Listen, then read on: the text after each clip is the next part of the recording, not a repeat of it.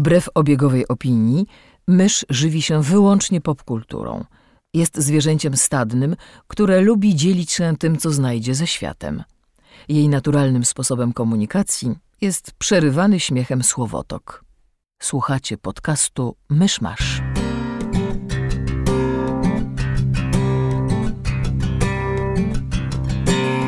Gospodarzami podcastu Myszmasz są Krzysiek Seran, redaktor portalu Avalon. Kamil Borek ze studia Kobart. i Mysz, autorka bloga Mysza Mówi. Drodzy słuchacze, jest 20 marca 2017 roku. Poniedziałek. Uuu, dem, zjebaliśmy już Jest na początek. poniedziałek. Któryś tam. Poniedziałek, któryś... Tak, A. rzeczywiście. Ja tego słucham. Okej, to, to ja nie. Ja to tylko montuję. Dokładnie. Well Jeszcze done. raz. Jeszcze raz. Drodzy słuchacze, jest poniedziałek 20 marca. Chciałem powiedzieć 1854 roku. Chyba 27. To już będzie 27. A czy nie? Dwudzie- A, Nie, 20, dobrze. Jutro, jutro. A, Jutro. jutro, okej, jasne. Wow, we're so good at this. Prawda? A to nie mówi się 20 marca? Bo ty mówisz 20 marca. Poniedziałek 20 marca. No właśnie. Okej. I think we're overthinking this. przynajmniej nie marzec, więc... Drodzy słuchacze, jest poniedziałek, 20 marca 2017 roku. Rocznica założenia Partii Republikańskiej e, Stanów Zjednoczonych i raptem niecałe 200 lat później Donald Trump. Zapraszam do 176 odcinka podcastu Myszmasz. Yay! Ej! Jak mogliście usłyszeć, to jest ten odcinek, w którym nie ma Krzysia. Wszystkim jest bardzo smutno. E, Nie ma kto zająć większości czasu antenowego. W związku z tym e, e, postanowiliśmy ten, uzyskać pomoc, żeby tenże czas zapełnić. Witamy naszą stałą współprowadzącą na dochodne, czyli Ocean Soul. Cześć! Cześć. Tutaj część biorących udział w dyskusji jest chora, więc jeżeli usłyszycie jakieś harczenie, to przepraszamy, bo to my. Albo głównie ja. Nie, spokojnie, ja też. E, e, tak, więc przejdziemy od razu klasycznie do segmentu newsowego. Co się ostatnio wydarzyło w świecie popkultury? Czy coś nam się em, wpadło w... em, Wow. Powinnam była wypić tę drugą kawę.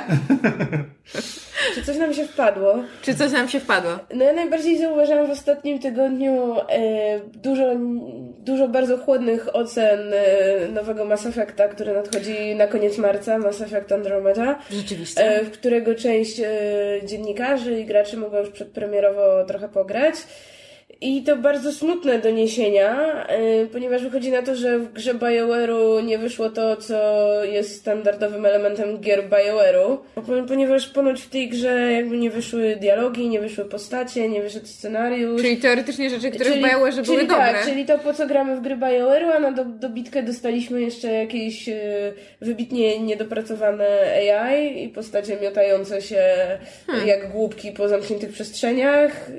Znaczy, jest, y, słyszałem, znaczy tak, bo widziałem recenzję właśnie, która ten strasznie go zjechała, choć to są też pozytywne recenzje, a z kolei w podcaście właśnie The Creighton Crowbar, często wspominamy chyba w tym podcaście, szczególnie Krzysiek, e, jakby właśnie jeden z prowadzących, który już grał w tę grę, jakby skończył, e, mówił, że właśnie, że jest w takiej dziwnej sytuacji, bo, e, bo jest, bo ponieważ gra jeszcze nie wyszła, więc jest na nią embargo, ale nie na tych pierwszych tam pięć czy ileś tam godzin, E, więc może tylko o tym powiedzieć. A tak naprawdę podobno po tym gra zaczyna się robić dobra właśnie po tym, e, po tym wstępie, że po prostu bardzo powoli się rozwija, e, ale jak już się, jak już się zacznie na dobre, to wtedy się zaczyna ten stary dobry Mass Effect, a że te pierwsze ileś tam godzin jest e, bywa, bywa lepiej, bywa gorzej. E, Więc e, nie wiem, znaczy ja i tak na pewno w tę grę zagram. A nie, no to tak. E, więc, e, więc się przekonamy. Ale tak, no zdania, zdania są podzielone dosyć mocno. No Jakby sporo osób zarzuca. I to też nie tak, że te. I, nikt się nie zgadza do niczego, no bo znaczy, ludzie wrzucają gify różnych dziwnych animacji, które Tak, się tak. tak włączają. No ale to są takie bugi, które, no wiadomo, to nie, niekoniecznie musi od razu rozwalać rozgrywkę. No to, plus że, jeszcze to, że część może zdążą załatać. zachowuje. Tak, Jeszcze to co innego. zostało. E, ale w, no i tak, nie, nie ma żadnego konsensusu, no bo jedni mówią, że nie no, napisane jest dobrze, postaci są ciekawe, inni mówią, że e, napisane jest leniwie, a postaci są takie sobie. I właściwie ja już nie wiem, co mam myśleć, bo naprawdę nie wiem, komu już ufać. E, więc no tak, i tak się skończy tym, że trzeba będzie zagrać i zobaczyć. A z niezwykle growych to zapowiedzieli, że w przyszłym roku będzie film Venom. Już długo zapowiadany. To jakoś mnie to minęło. A mnie też. To- jest, to- jest cały news, że będzie film Venom. Tak naprawdę, znaczy wiadomo kto go pisze albo napisał, e, ale też to nie są jakieś znane nazwiska. Znaczy jeden, jeden koleś ma na koncie ten reboot The Amazing Spider-Man, ten pierwszy film e, z Andrew Garfieldem, e, drugi ma na koncie Conner. Okej. Ale to będzie w ramach uniwersum, czy to będzie gdzieś obok, czy nie Nie wiadomo? mam zielonego pojęcia. Nie, bo to jest, bo to jest Sony. To nie, to, to jest jakby... Czyli Sony bez Marvela. E, znaczy, No bo oni się jakoś Znaczy, dziwnie tak- dogadali. Tak, tak, znaczy w sensie, że robi to Sony, że to nie jest jakby ten nie, nie, filmu nie produkuje studio Marvel, tylko produkuje go Sony. No wiadomo, że Marvel tam jest podpisany, bo Marvel jest zawsze podpisany, ale, ale nie Marvel go kręci. E, więc nie wiadomo czego się spodziewać, nie wiadomo kto jest reżyserem jeszcze, przynajmniej jak ostatnio sprawdzałem, więc ogólnie rzecz biorąc nikt nic nie wie, ale, ale będzie. Ale zapowiedzieli, że w przyszłym roku ma być. Więc okej, spoko. Z newsów to jeszcze podobno Henry Cavill ma dołączyć do obsady Mission Impossible 6. A tak. Razem z Tomem Cruzem, Jeremym Rennerem i Rebecca Ferguson, która była w, teraz w piątej części. I mnie to w sumie bardzo cieszy, bo jakby ta, ta, ta trójka właśnie, która przychodzi z, z piątki, um, że tak powiem, bardzo sympatycznie, zwłaszcza Rebecca Ferguson w piątce wypadła i jakby Mission Impossible 5 jak na, jak na piątą część serii było bardzo przyzwoite. Myśmy na tym byli, żeśmy się całkiem nieźle bawili, zresztą w którymś z odcinków podcastu chyba jest nasza recenzja. E, natomiast ja jestem wielką fanką Henry'ego Cavilla i uważam, że będzie bardzo fajnym dodatkiem. Zarówno, znaczy nieważne czy będzie jakby po dobrej czy po złej stronie, czy będzie tam częścią e, ekipy, czy jakąś współpracą z MI6, czy jakimś, e, że tak powiem, main villanem, ale, ale uważam, że to jest bardzo fajny dodatek, może się fajnie sprawdzić. No, tak. Jeszcze jakieś newsy? Ktoś coś pamięta? E, pojawił się trailer do film, najnowszego filmu Edgara Wrighta, Baby Driver, e, który, który ten, przez który Wright chyba odszedł z Antmana, w sensie jakby odszedł z Antmana i żeby nakręcić. Znaczy oprócz e, tych um, scysji, które tam były na gruncie, że tak powiem, twórczym, e, podobno, to właśnie Wright odszedł, żeby móc, móc nakręcić Baby Driver. I wygląda to zajebiście, bo jakby film ma opowiadać o, o młodym e, kierowcy ucieczkowym, którego gra Ansel Eng- Englert, on ma strasznie tru- trudne nazwisko, e, który jakby em, z tego co zrozumiałam... można skądś znać? Y, Gwiazd naszych Tak, wina. Gwiazd naszych wina. I z tego, z, z tej serii Divergent, gdzie grał A, no, brata a, A tak, rzeczywiście, rzeczywiście, zapomniałam. Skoro tak mówicie. Głó- głównie z młodzieżowych, em, ekranizacji młodzieżowych em, powieści. Em, natomiast jego postać, z tego co zrozumiałam z trailera, to mi- miał jakby uraz w dzieciństwie i w związku z tym ma, dzwoni mu w uszach i żeby to jakby zagłuszyć, żeby nie zwariować, to słucha dużo muzyki. A Edgar Wright oprócz tego, że ma fantastyczne jakby wyczucie e, wizualnej konstrukcji scen, jakby to jak, jak montuje film i jak kręci pewne rzeczy, e, jak ktoś oglądał jego trylogię Cornetto, to, to może wiedzieć, tak samo jak ktoś oglądał Space, czyli jeden z jego e, debiutujących em, dzieł, serial Space brytyjski, brytyjski bardzo dobry, e, zresztą polecam, to, to może wiedzieć, ale Edgar Wright też bardzo umiejętnie korzysta właśnie z muzyki, w związku z tym mnie strasznie em, jara właśnie taka opcja, że Edgar Wright nakręcił e, no i oczywiście Scott Pilgrim, tam też jest muzyka świetnie wykorzystana.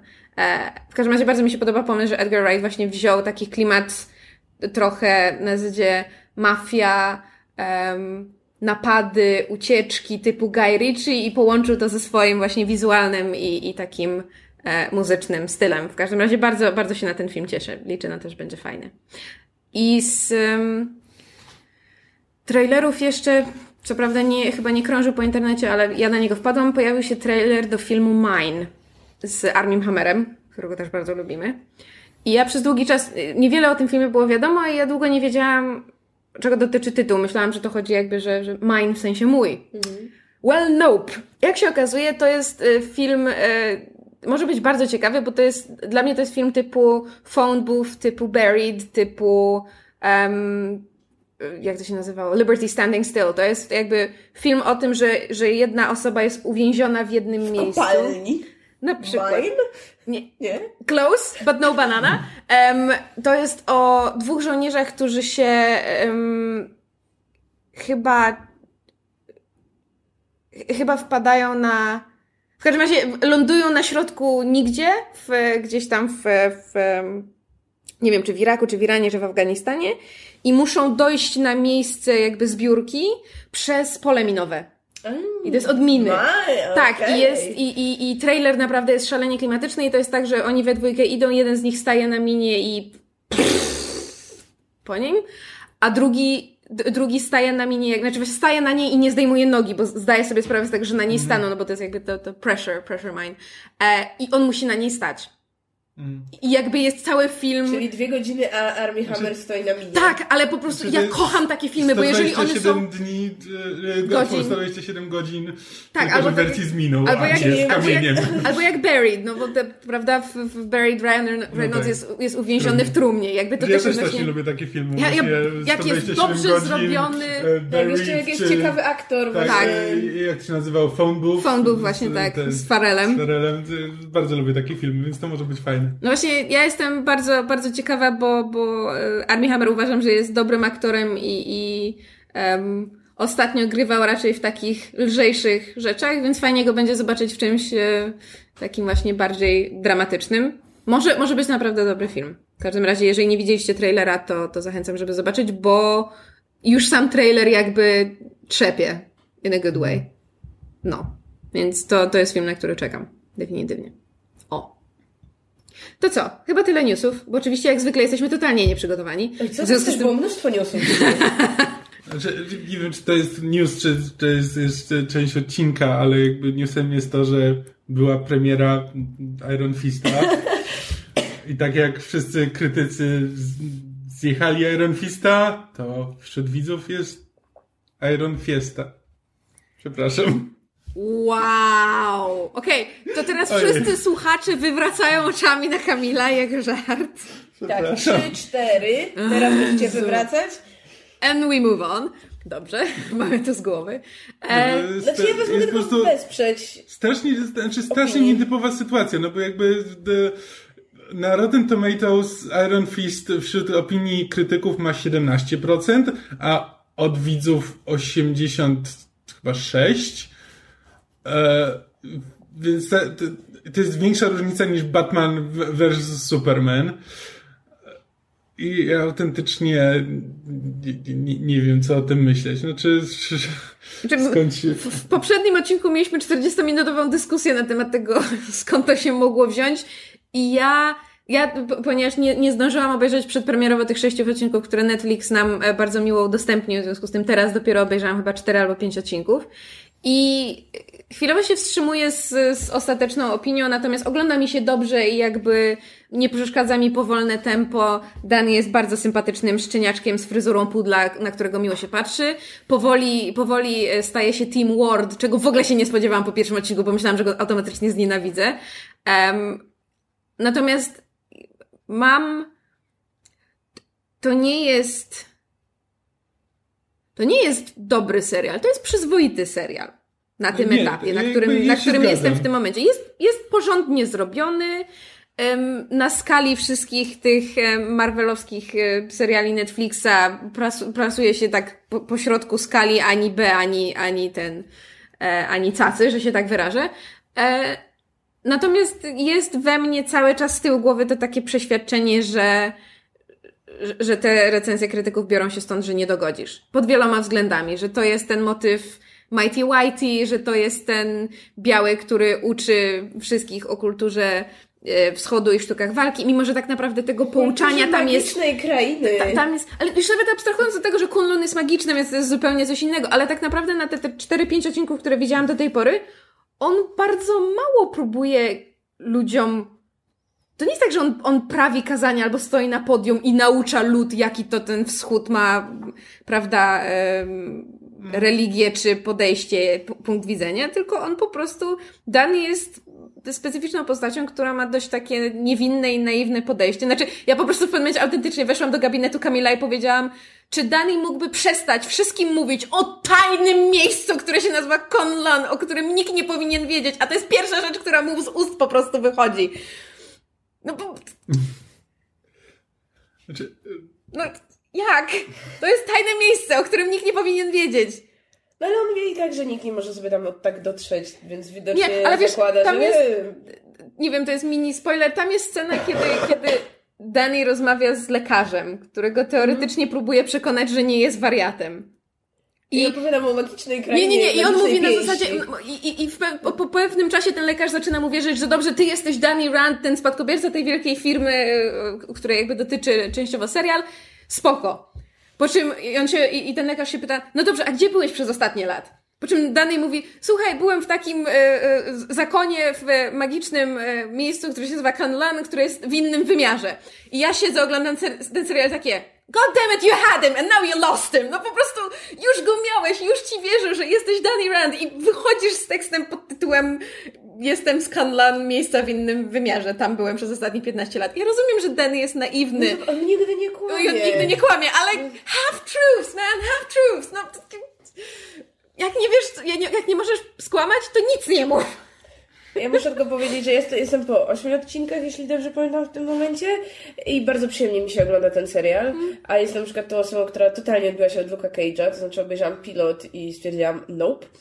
A z Iron Fistem nie mam żadnego problemu. Bardzo lubię danego i nie ukrywam, że aż tak z ciężkim sercem czyta mi się niektóre komentarze, jak to, to jest bohater, którego nie da się lubić, jak to nie powinniśmy mu kibicować, jak to, to okropne, że jest biały i bogaty i w ogóle cała lista zarzutów. No ja jakoś mu kibicuję, mimo że y, chyba daleko mi jakby do utożsamienia się z nim, a jednak potrafi wzbudzić moją sympatię i właśnie takie, że no chciałabym, żeby mu wyszło i tak dalej. Mm, też z seriali y, właśnie tych Netflix Marvel Iron Fist ma chyba mój absolutnie ulubiony wątek miłosny i jakby wątek, któremu ja strasznie kibicuję. Y, Jeszcze nie doszłam do tego. Ja z kolei nie. Wolałbym, żeby tego wątku miłosnego nie było. Ale też, tak, nie, nie, nie będziemy teraz wchodzić tak. w spoilery. E, to, to może jak, jak już wszyscy obejrzymy wszystkie 12 odcinków, to wtedy zrobimy jakiś osobny odcinek spoilerowy albo segment przynajmniej i wtedy sobie pogadamy.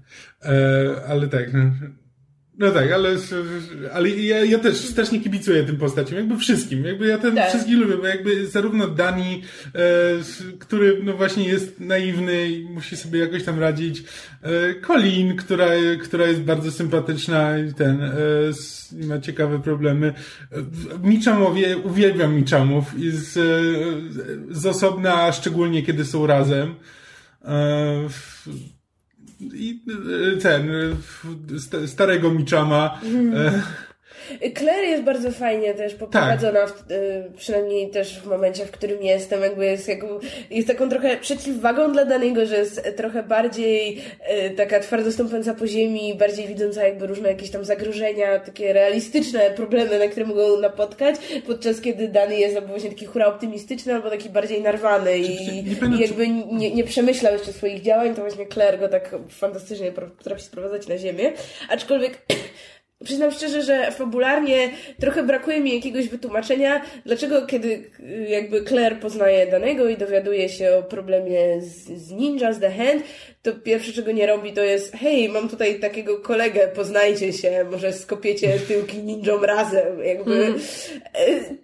Ja rozumiem, dlaczego ma, jakby Marvel Netflix nie, nie robi tego w tym momencie, jasne, bo jakby na to będzie jeszcze mm. serial, ale jakby brakuje mi jakiegoś logicznego wytłumaczenia. Mm. Że ona chyba próbuje jakby się odciąć od tych superbohaterów, ale jej nie wychodzi za każdym razem. tak. Ale właśnie nie pamiętam, bo, czy, czy, czy w innych serialach, czy, czy to jest pierwszy serial, w którym e, Claire ma własną scenę? Czy, nie wiem, czy ty, już, czy ty już ją miałaś, czy to jest właśnie w tym odcinku, który teraz oglądasz, tak jak widziałem po stopklatce, ale jest jedna scena, w której jakby Claire jest sama z inną postacią, która nie należy do głównej obsady, i, i ma własną scenę jakoś ten, e, mam wrażenie, że do tej pory Claire zawsze była, że jeśli, że jeśli Claire była na ekranie, to zazwyczaj no, był przy niej właśnie albo, albo Luke, albo no tak, żeby Nie, sama... mam żeby- wrażenie, że w drugim sezonie Daredevila było jedna czy dwie sceny, kiedy Claire była sama. Tak? Tak, mam ona tam wtedy w szpitalu na Tak. była sama, jakby jak tam ninja też atakowali. No, może, dobra. E, no. Co mi się jeszcze podoba, Tak, jak radziła sobie- wzmianki w Iron Fiście, które gdzieś tam łączą też Tak, na zasadzie serialami. nie, Była- nie dawaj Karen pierwszej strony, mam artykuł, Tak, który były- musisz zamieścić. Były, były tak. co najmniej chyba ze trzy wzmianki o Karen, była jedna wzmianka od Jess- Jessica Jones i e, no były też nawet takie też ze dwie malusie wzmianki ogólnie o MCU, bo była jedna na pewno o Hulku, była jedna o The Incident, tak więc no fajnie, że w, jakby w taki Mm. Gdzieś ten taki- subtelny sposób serial jednak nawiązuje do, do reszty uniwersum. No tak. ty- E, znaczy właśnie, znaczy problem z tym serialem jest taki, że on ma, on ma tam interesujące pomysły. Momentami one się trochę gubią, jakby nie, nie skupia się na żadnym jednym wystarczająco długo, żeby stał się głównym jakimś motywem przewodnim. E, Ale tam jest parę fajnych pomysłów. Znaczy jest sporo na przykład o indoktrynacji, jakby szczególnie właśnie tam już pod koniec się zaczyna, gdzie jakby e, jest e, kwestia tego, jak indoktrynowani są ludzie Hand, a jak z drugiej strony indoktrynowany był Dani do tego, żeby walczyć z Hand i że on jakby w ogóle nie przyjmuje do siebie, że, że to, czego był uczony, może nie być do końca prawdą. E, to, to jest ciekawy wątek, który no, te, tak też trochę się rozmywa. Jest taka ty- dekonstrukcja tego bohatera z e, właśnie kung fu, gdzie w większości filmów to jest tak, że no, bohater umie walczyć, ale potem musi się jeszcze nauczyć jak być dobrym człowiekiem i znaleźć w sobie tą wewnętrzną energię i wtedy już każdego pokona. A tutaj tak naprawdę Dani właśnie no, potrafi walczyć, jest dobrym człowiekiem i, i chce, chce czynić dobro i jeszcze w dodatku ma firmę, która mu przynosi miliardy, więc ma kupę pieniędzy. I to wszystko mu się zdaje na buty, bo, bo jak musi walczyć z Dechen, to to na nic mu się nie przydaje, bo nagle się okazuje, że no jak próbuje być dobrym człowiekiem, to tylko mu to wychodzi na gorsze. Jak, jak kogoś pokonuje, to tak naprawdę to nie rozwiązuje żadnego problemu, e, a pieniądze nie ma nawet na co ich wydać, znaczy nie, w żaden sposób te pieniądze mu nie pomagają w tej walce. E, I to, to, to jest interesujące. I też mi trochę brakuje, że tak, tak że serial to gdzieś tam zarysowuje, potem trochę o tym zapomina i zajmuje się czymś innym.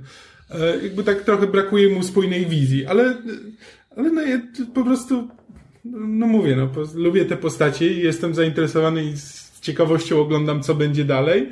Jest tam parę fajnych pomysłów. Nie, no nie jest to wybitny serial, zdecydowanie nie, ale, ale tak przyjemnie się go ogląda, no co ja poradzę. To chyba tyle, jeśli chodzi o Iron Fista.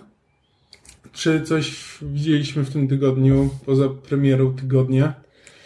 Ja mogę Co powiedzieć o serialu, który No. zaczęłam nadrabiać y, w tym tygodniu y, i chyba o nim nie mówiliście, nie wiem czy widzieliście. Chodzi o Black Mirror, ponieważ Netflix już tam pewien czas temu udostępnił u siebie pierwsze dwa sezony i jakby Netflix jakby współtworzył trzeci sezon. Y, To jest Czyli oglądałem pierwsze dwa sezony Black o, Mirror. no to ja też obejrzałam właśnie pierwsze dwa sezony i ten odcinek specjalny, który był między drugim i trzecim A tak, to sezonem. No, ja oglądałem pierwszy odcinek tego trzeciego sezonu, a potem jakoś tak zapomniałem. Yy, Więc generalnie to jest serial brytyjski, który jakby te pierwsze dwa sezony plus odcinek specjalny, oryginalne nie leciały na Channel 4 yy, i dopiero później Netflix zainteresował się produkcją i właśnie współtworzył sezon trzeci i przy okazji udostępnił u siebie wszystkie poprzednie odcinki. I to jest dość ciekawy koncepcyjnie serial, ponieważ mimo, że jakby są w nim sezony, to tak naprawdę jakby każdy odcinek jest o czymś innym, jest jakby tak, taką zamkniętą całością, takim nie wiem, małym opowiadankiem, jakbyśmy mieli zbiór opowiadanek, yy, niepowiązanym z innymi ani przez bohaterów, ani nawet przez, yy, przez jakby świat, ponieważ każdy, każdy odcinek na nowo kreuje kreuje jakby wizję przyszłości, z reguły jakby bardzo bliskiej przyszłości, do której nas przenosi. Yy, I yy, tym, co łączy tak naprawdę poszczególne odcinki, sezony, jest jest jakby taka, taka koncepcja, pokażmy widzom, jak może wyglądać ich, ich przyszłość za, za, tak naprawdę za 5 minut albo za, za 5 lat, jakie zagrożenia się z tym wiążą, pokażmy działanie pewnych, nie wiem, mechanizmów społecznych, czasami trochę jakby tak podkręconych, wyolbrzymionych, czasami nawet niekoniecznie. Yy, pokażmy jakby głównie zagrożenia płynące z nowych mediów, yy, i y, autor, a, autor tego serialu, on się nazywa Charlie Brooker, jeśli tak. nie mylę. Jest y, scenarzystą wszystkich odcinków prócz jednego, więc jakby to jest jakby taka jego hmm. wizja, jego pomysły. Każdy odcinek ma około tam 40 do 60 minut i właśnie przenosi nas do jakiejś tam określonej wizji, pokazuje nam jakiś, albo jeden jakiś wynalazek, albo jakiś mechanizm, dookoła którego kręci się fabuła. I y, to jest serial bardzo taki, powiedziałabym, przerażający na swój sposób. Y, to znaczy, zagrożenia, które pokazuje, są, są jakby tak, tak, tak na tyle bliskie, na tyle w jakimś sensie realne, prawdopodobne, że przeraża to bardziej niż, nie wiem, oglądanie jakichś horrorów, tak? Gdzie atakuje nas jakiś straszny potwór, czy, czy cokolwiek w tym stylu.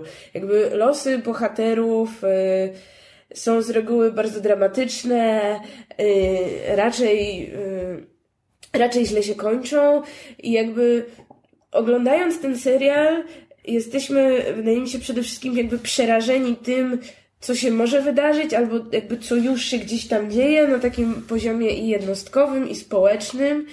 Yy, znaczy, ja jestem, ja jestem, przyznam szczerze, urzeczona, ale jakby tak straszne wrażenie robi na mnie ten serial, jak go oglądam. To nie jest coś, co e, jakby jestem tak w stanie usiąść, nie wiem, cały dzień oglądać ten mm, serial, tak, tak. bo wygląda to raczej tak, że oglądam ten jeden odcinek, mam w głowie całą masę jakichś, nie wiem, e, przemyśleń, wniosków, jakiś, mm. czy, czy po prostu jakiegoś takiego efektu wow.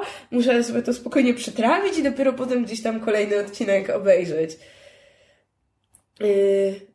Nie wiem, Kamil, czy to by się też podobało? Znaczy, nie, jestem wielkim fanem, tak, jakby z, to jest, bo to jest taki, był taki serial Twilight Zone kiedyś, właśnie na podobnym pomyśle oparty, po prostu antologia takich his, historii trochę przerażających, trochę ironicznych, przestrzegających nas przed, przed sobą samym, tylko to jakby Twilight Zone to były takie... Współczesne baśnie. Na tak, takie, takie, takie historyjki ciekawe, w, zazwyczaj z jakimś ironicznym twistem. E, natomiast rzeczywiście Black Mirror to jest, e, stara się coś powiedzieć. Tam praktycznie każdy, każdy odcinek w jakiś sposób łączy się z technologią. Znaczy to jest właśnie to, że jakby... Przy czym mam wrażenie, że to jakby...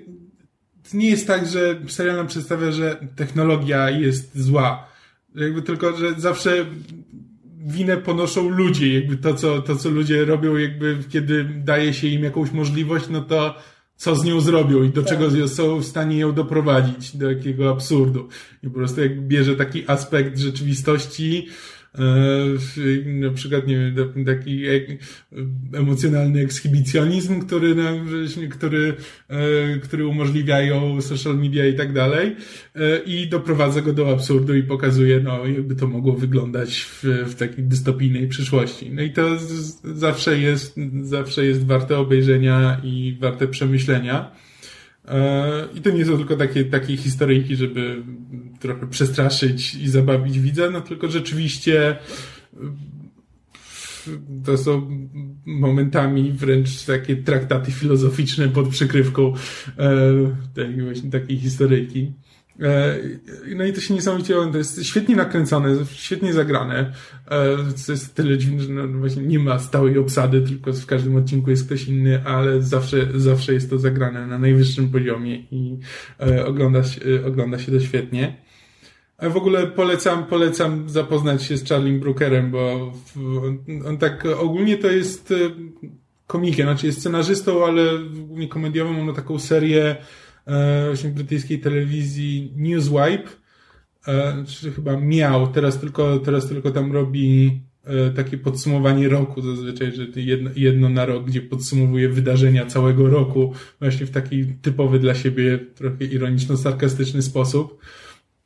Nie... Miał też kilka takich serii, na przykład e, chyba też, też z końcówką Wipe, typu Games Wipe, gdzie jakby opowiadał o e, grach komputerowych. On też jest e, zagorzałym graczem i sen i jakby opowiada całą historię, całą historię gier komputerowych i też właśnie z, o tym, jak, jak się zmieniły. A nie jest też autorem A Touch of Cloth, o którym chyba kiedyś w podcaście racja, mówiliśmy. tak, zapomniałem To właśnie. jest parodią, parodią seriali e, policyjno-kryminalistycznych. Tak, jest, to ale jest znaczy, y, są chyba trzy, trzy sezony, tam są dwa odcinki na sezon. To jest No tak. Brytyjczycy, Jesus. Um, są chyba trzy sezony. Pierwszy jest fenomenalny, to jest jedna z najśmieszniejszych rzeczy, jaką, jaką obejrzycie. Drugi jest w porządku, trzeci już był takim spadkiem formy. Na zdrowie, Osiu. Dziękuję. Proszę.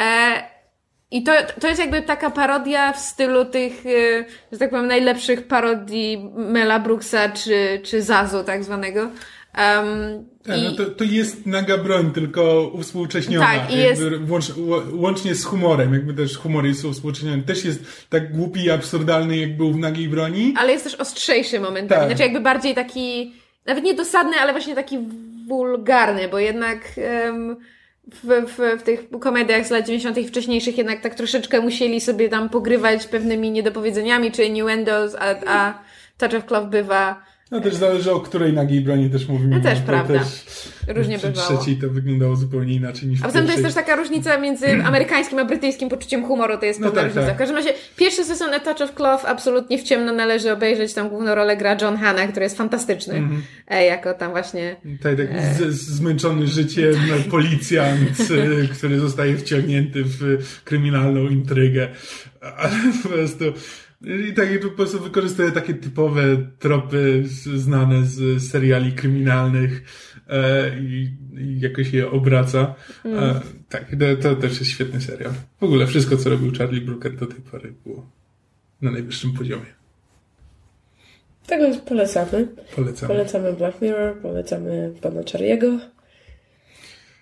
Tak. A, e, a ja z kolei teraz e, ostatni tydzień z hakiem gram w Horizon Zero Dawn. E, Długo mi zajęło nauczenie się tej nazwy. Nie, byłem, nie jestem w stanie spamiętać. Ojejku, kot nam miałczy. Nie wiem gdzie jest, bo to chyba Aria. Tak. Więc Horizon. Tak, Horizon. E, Który, na, na którego punkcie świat zwariował. Znaczy to jest chyba w tym momencie najlepiej sprzedający się ekskluzyw e, PlayStation. E, Zbiera same, same pozytywne recenzje typu 9 na 10. E, No a ja bardzo chciałem, żeby mi się ta gra spodobała i podoba mi się. To jest dobra gra, ale przy czym to jest tak naprawdę gra z gatunku otwarty świat Ubisoftu. Znaczy w sensie... O mój Boże, jak Assassin's Creed. E, tak, bardziej nawet, bardziej nawet Far Cry. Znaczy, ta, ta gra mi strasznie przypomina Far Cry Primal. Jakby nie jestem w stanie tego, e, tego odwidzieć. Znaczy, tam jest, tam jest wszystko to, co, te, to wszystko to, co znamy z Ubisoft na zasadzie, no, pójdź w to miejsce, zabij, e, w, nie wiem, znaczy w tym świecie, znaczy, o czym jest w ogóle, o czym jest w ogóle gra? Zacznijmy może od początku. E, Gra opowiada historię dziew... na- na- zaczynamy, poznajemy ją jako dziewczynkę, Aloy, e, która została z jakiegoś tajemniczego powodu wygnana ze swojego plemienia i zabrał, zabrał ją stamtąd w- Rost, też wojownik, który po prostu przywiązał się do, do jej dziewczynki, kiedy miał się nią opiekować, bo też nie wiemy, kim są jej rodzice. E, Tam wszyscy na nią mówią motherless, że nie ma, nie ma matki. E, Więc ten Ross się nią zajął, przywiązał się do niej, więc kiedy, więc e, ponieważ ona została wygnana, no to on ją, on odszedł z plemienia razem z nią i ją wychowywał sam. E, No i w Aloy tam przez fabuły znajduje. mm, A, a świat, a świat wygląda tak, że to jest post, postapokalipsa. Znaczy jest, to jest jakiś, nie wiem, z tysiąc lat pewnie po, e, po jakiejś tam apokalipsie. Jakby nikt nie pamięta, co się wydarzyło i kto żył na tym świecie przed, przed tymi plemionami, które teraz go zamieszkują. E, No i tylko, że po świecie chodzą robo, robozwierzaki. Robodinozaury. I też robodinozaury. Znaczy tak, no jakby w pierwszym... No, to, to jest świetna, gra jest podzielona na takie kilka części, więc jakby w pierwszym e, w, na, pierwszym etapie, w tej pierwszej części świata, który poznajemy, no to, to są głównie robo konie, robo e, robobyki, jakieś takie robotygrysy. E, a dopiero potem, jak, jak wychodzimy na trochę większy świat, to widzimy też robogryfy, robodinozaury i tak dalej. Roboraptory. Tak. E, no i z Aloy tam podczas jakiejś tam wyprawy jako, jako mała dziewczynka wpada do starej ruiny w pozostałości właśnie po tej poprzedniej cywilizacji i tam znajduje coś, co ona nazywa fokus. Czyli jakieś urządzenie, które się zakłada na ucho, tak jak zestaw bluetoothowy, który jej pokazuje różne informacje o świecie, jakby o technologii. Jak go włączy, to na przykład widzi, w grze to jest wykorzystywane głównie tak, że widzi słabe punkty tych robo, robozwierzaków, więc ułatwia jej to polowanie. Ale też nam pokazuje różne informacje o świecie i działa trochę tak jak, czy w ogóle gra jest powierzchownie bardzo podobna do Wiedźmina trzeciego, e, jeśli chodzi właśnie o podejście do, do tego otwartego świata i właśnie ten fokus zastępuje wiedźmińskie zmysły. W sensie po prostu odpalamy go, kiedy trzeba zbadać jakieś miejsce, to odpala się fokus, a fokus nam pokazuje, że o, w tym miejscu są ślady krwi, więc teraz musisz zaznaczyć te ślady krwi i jak chcesz znaleźć skąd one pochodzą, to on ci pokazuje, że o, te ślady krwi prowadzą tam i tam. I tam siedzi jakiś robogryf. Tak, na przykład. Który terroryzował wieśniaków. Tak, głównie tak. No i właśnie i to się, to się pojawia, no bo Główna fabuła obraca się wokół tego, że Aloy chce się dowiedzieć skąd pochodzi. Czemu została wygnana jako niemowlę, czemu wszyscy jej mówią, że nie ma matki, kim byli jej rodzice. Tylko, że tak, mój pierwszy problem no to pojawia się... Zostaw kota. Ale kot się zbliża do dyktafonu. Nie szkodzi, to się nagra. Co to ja mówiłem? Że twój problem z tym, że Aloy chce się tak. dowiedzieć skąd pochodzi. Tak, Aloy próbuje się dowiedzieć skąd pochodzi. No i to jest jakby, to jest dla mnie zrozumiała no, motywacja spoko. Przy czym, żeby się dowiedzieć skąd pochodzi, to musi się z powrotem dostać do plemienia, a to jest możliwe, bo kiedy skończy tam 16 lat, to jest tam rytuał zwany The Proving, w którym młodzi członkowie plemienia, ale także spoza plemienia mogą udowodnić swoją wartość podczas kilku prób wyznaczonych przez starszych plemienia i jeśli im się powiedzie, to zostaną przyjęci do tego plemienia. No, więc Aloy, Aloy chce się dostać do tego plemienia. Znaczy, i właśnie, i tu jest ten problem, że jakby jest ten motyw tego, że no ona chce się dowiedzieć, kto jest, ale jakby ona autentycznie chce się dostać do tego plemienia. Przy czym gra daje nam możliwość, udaje RPGa, bo mamy, mamy możliwości dialogu, mamy możliwość może podejmowania decyzji to jest trochę za dużo, bo jakby możemy wybierać kwestie dialogowe i możemy wybrać, czy ta kwestia dialogowa będzie pełna empatii, czy, e, czy raczej sprytu, czy agresji. Ale czy to coś zmienia? Nie wiem, na razie nie zauważyłem. Okej. Okay. E, znaczy, to, to, to, w tym momencie nie wygląda na RPG. To nie jest tak, że to, to nie jest tak jak Wiedźmin, gdzie każda, każda misja poboczna to była, to była osobna historia, którą, z którą z ciekawością, za którą z ciekawością się podążało. Że i możemy wybierać te kwestie dialogowe, więc ja na przykład chciałbym móc zdecydować, że no, ja nie chcę być członkiem plemienia, które jest w stanie wygnać niemowlę. E, przy czym jakby ta gra w ogóle tego, te, te, tego typu motywacji nie uznaje. No Aloy chce być członkiem tego plemienia. Bo tak, co, co już mnie trochę bierze pod włos na początku, bo, bo zasadniczo uznaję, że nikt się chrzanią, mogą wszyscy wymrzeć. Jeśli to jest plemię, które, które po prostu wygania e, nie, nie, nie będę tutaj spoilował, z jakiego powodu e, Aloy została, została wygnana, ale ale jest to tym bardziej jeszcze, to nie jest powód, który sprawia, że okej, okay, rozumiem, czemu to plemię mogło wygnać, wygnać niemowlę. Nie, to jest plemię, które zasadniczo, jeśli o mnie chodzi, może umrzeć. E, i, i, mam, I mam je gdzieś. Więc jakby cała ta motywacja, że Aloy chce zostać jego członkiem, albo chce, i potem, i potem pomaga im właśnie podczas różnych sidequestów, dla mnie nie istnieje. Jakby to jest problem, który można by było łatwo rozwiązać na zasadzie, no, że wystarczyło w kwestiach dialogowych zawsze dać kwestię na zasadzie y, nie lubię cię, ale no muszę ci pomóc, bo chcę się dowiedzieć, kim są moi rodzice. I jakby to by już rozwiązywało sprawę, no ale nie, nie mam takiej opcji, więc no trudno. E, nie, nie do końca się w tym momencie czuję zżyty z bohaterką, ale, y, ale spoko.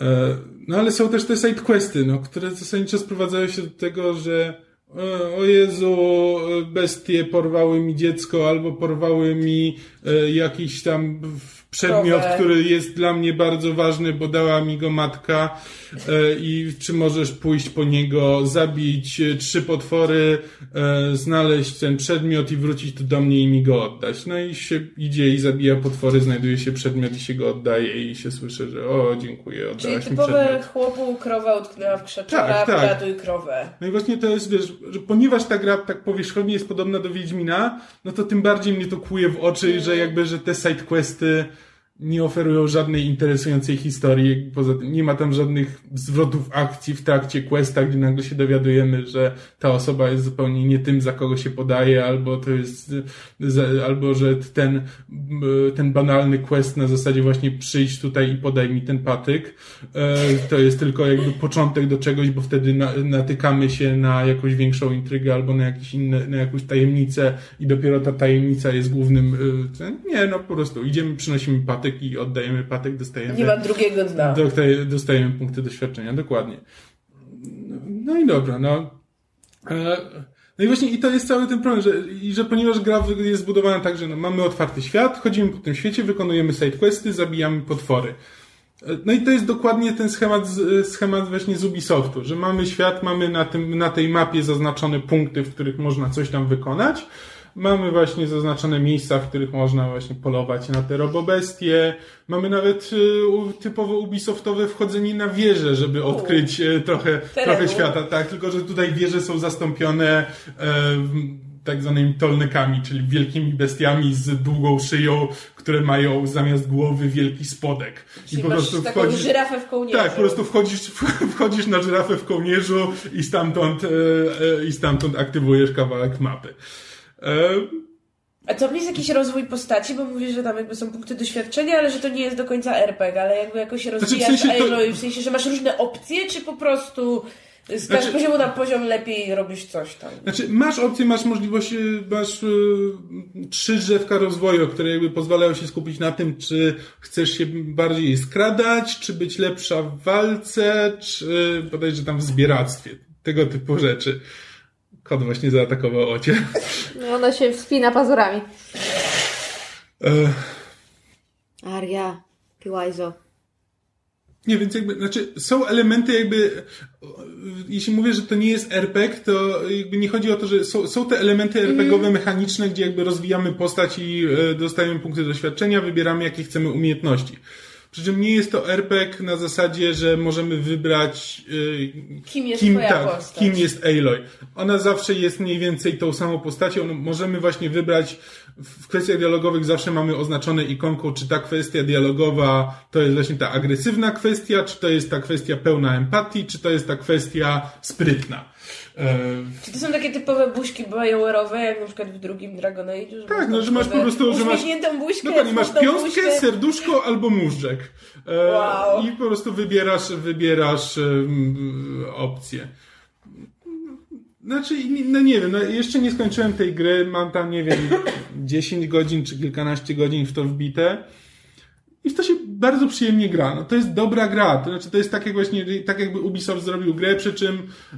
E, zrobił ją lepiej niż zro, zwykle Zrobił ją lepiej, tak. Po prostu jest bardzo ładna. E, jakby całe otoczenie jest ślicznie zrobione. Przy czym też jest ślicznie zrobione, ale e, biorąc pod uwagę, że to jest świat właśnie ten po, po apokalipsie, w którym istnieją te pozostałości po, e, po naszej cywilizacji, czy tam, znaczy po, nie, nie po naszej, bo to jest jeszcze bardziej rozwinięta cywilizacja, futurystyczna dosyć, to w świecie jest tego bardzo mało. Znaczy tam jakby to jest, jak chodzimy po świecie, to mamy park, park krajobrazowy. Mamy wszystkie te, wszystkie te widoki, które jakbyśmy pojechali do, yy, nie wiem, puszczy, tak, do Puszczy Kempinowskiej, czy do Yellowstone, czy yy, i tak dalej, no to zobaczymy. To jest jakby yy, czysta natura. Ale plus no jakby, robodinozaury. Plus robodinozaury. Jakby robodinozaury są w tym momencie jedynym, jedyną to taką pozostałością, która jest widoczna w tym świecie. Że to nie jest tak, że na przykład, że mamy, znaczy tam gdzieś czasami się pojawi jakiś zepsuty samochód. Ale tak naprawdę te, w tym momencie ta gra bardziej wygląda jak The Last of Us. Yy, niż, niż jakiś taki postapokaliptyczny świat, że jakby te pozostałości po tej starej cywilizacji są, są bardzo, e, są bardzo nikłe. Trochę mnie to boli, no bo to jest jednak taki motyw, który by pozwalał na stworzenie zupełnie nowego, zupełnie innego świata, znaczy czegoś, czegoś, czego nie widzieliśmy, gdzie jakby właśnie ta przyroda łączy się z tą zapomnianą technologią i, e, i wtedy, i wtedy wychodzi z tego jakiś zupełnie, e, zupełnie nowy świat. A tak naprawdę w tym momencie, tak jak jest, no to mówię, Far Cry Primal, gdzie mamy po prostu e, nieskalane, nieskalane e, ręką człowieka wielkie przestrzenie i tyle. Gdzieś tam widziałem, widziałem jakieś arty, więc wiem, że tam chyba w trzecim akcie pojawia, zaczynają się pojawiać częściej tego typu wtręty właśnie z tej, z tej starej cywilizacji. Ale no, na tym etapie, no to po prostu jest ładnie, ale to nie jest nic, czego bym wcześniej nie widział, albo czego bym nie mógł sobie obejrzeć na pocztówkach z, z odległych krain. E, więc też to, trochę mnie to boli, że to jest trochę zmarnowany potencjał. No. I tak, i cholera, no dobrze mi się w to gra, tylko że zupełnie, znaczy, e, najlepszym przykładem na to, jak mi się w to gra, jest tak, że zrobiłem, grając w tę grę, dwa razy zrobiłem sobie taką przerwę na zasadzie, a dobra, coś, już, już mam trochę dosyć, więc zrobię, więc wypełnię pita. A potem zrobiłem sobie przerwę na to, na to, żeby złożyć stół. Wow, Więc... wypełnienie pita jest ciekawsze od tej gry. Nie o to, że to jest ciekawsze, tylko po prostu nie przykuwa mnie do ekranu tak, jak, e, te, tak jakby mogła. No tak jak na przykład no, wie, Wiedźmin, jak zaczynałem grać Wiedźmina, no to siedziałem, siedziałem do oporu, dopóki mogłem. E, a tutaj po prostu no, pogram sobie chwilę, a potem zaczynam już myśleć o tym, co innego mógłbym sobie zrobić. No nie wiem, no dam jeszcze, dam jeszcze znać, jak to wygląda, jak już skończę tę grę ale takie no, pierwsze wrażenia po tych kilkunastu godzinach, które z nią spędziłem, są takie, że nie no, jest bardzo dobrze, ale bez zachwytu. Eee... Skoro o grach mówimy, to hmm. wiem, że skończyłeś już Tormenta. Tak. A ja jestem chyba tak w jakichś trzech czwartych, myślę. Yy... No i jak twoje wrażenia? No właśnie. To znaczy, moje wrażenia na początku były takie hiperentuzjastyczne i jak hmm. tylko zaczęłam grać, to podobało mi się w tej grze absolutnie wszystko. Teraz po tych około niecałych chyba 30 godzinach jestem trochę tą grą zmęczona. Hmm.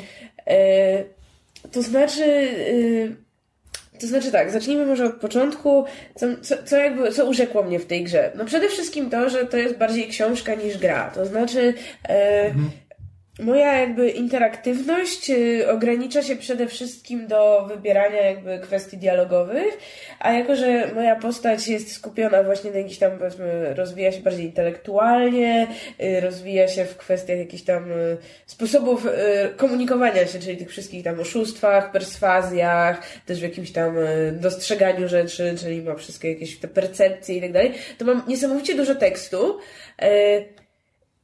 i to jest tak naprawdę tyle. To znaczy, e, trochę się nie czuję w tym momencie, jakbym grała w grę. Tak. E, czuję się jakbym, y, jakbym czytała, wiesz, grę paragrafową, mhm. gdzie wybieram rzeczy i, i czytam, co, co gra mam do, jakby do jakby zaoferowania zwrotnie.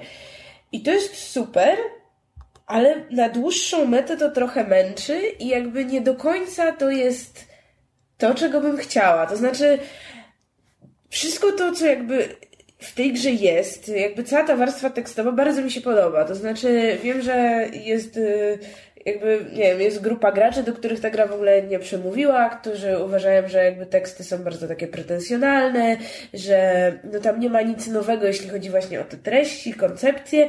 Y, ja tego problemu absolutnie nie mam. Dla mnie jakby każda rozmowa z jakąś postacią, czy wykonywanie jakiegoś questa, to jest taka mała historyjka, też takie, takie jakby mini opowiadanko, mm, że świat, świat Numenery, w którym jakby gra jest zasadzona, jest bardzo różnorodny, no to gra tutaj miała duże pole do popisu i wydaje mi się, że dobrze to wykorzystała. To znaczy, yy, eksploruje bardzo różne motywy, niektóre jakby bardziej takie powiedzmy typowo science fiction, niektóre bardziej yy, gdzieś tam powiedziałabym takie filozoficzno-metafizyczne. Mhm. No nie wiem, pojawiają się jakieś wątki typu yy, twoja osobowość jest w innym ciele, albo mm. w, czyjaś osobowość jest w kilku różnych ciałach, albo ktoś przejmuje czyjąś osobowość. jest tam bardzo dużo mówienia tak, o osobowości i o tym, tak, świadomości, o tym, kim jesteś, o tym, jakby, czyje jest na przykład, czyja jest jakby świadomość, czyje jest jakieś czyjeś ciało.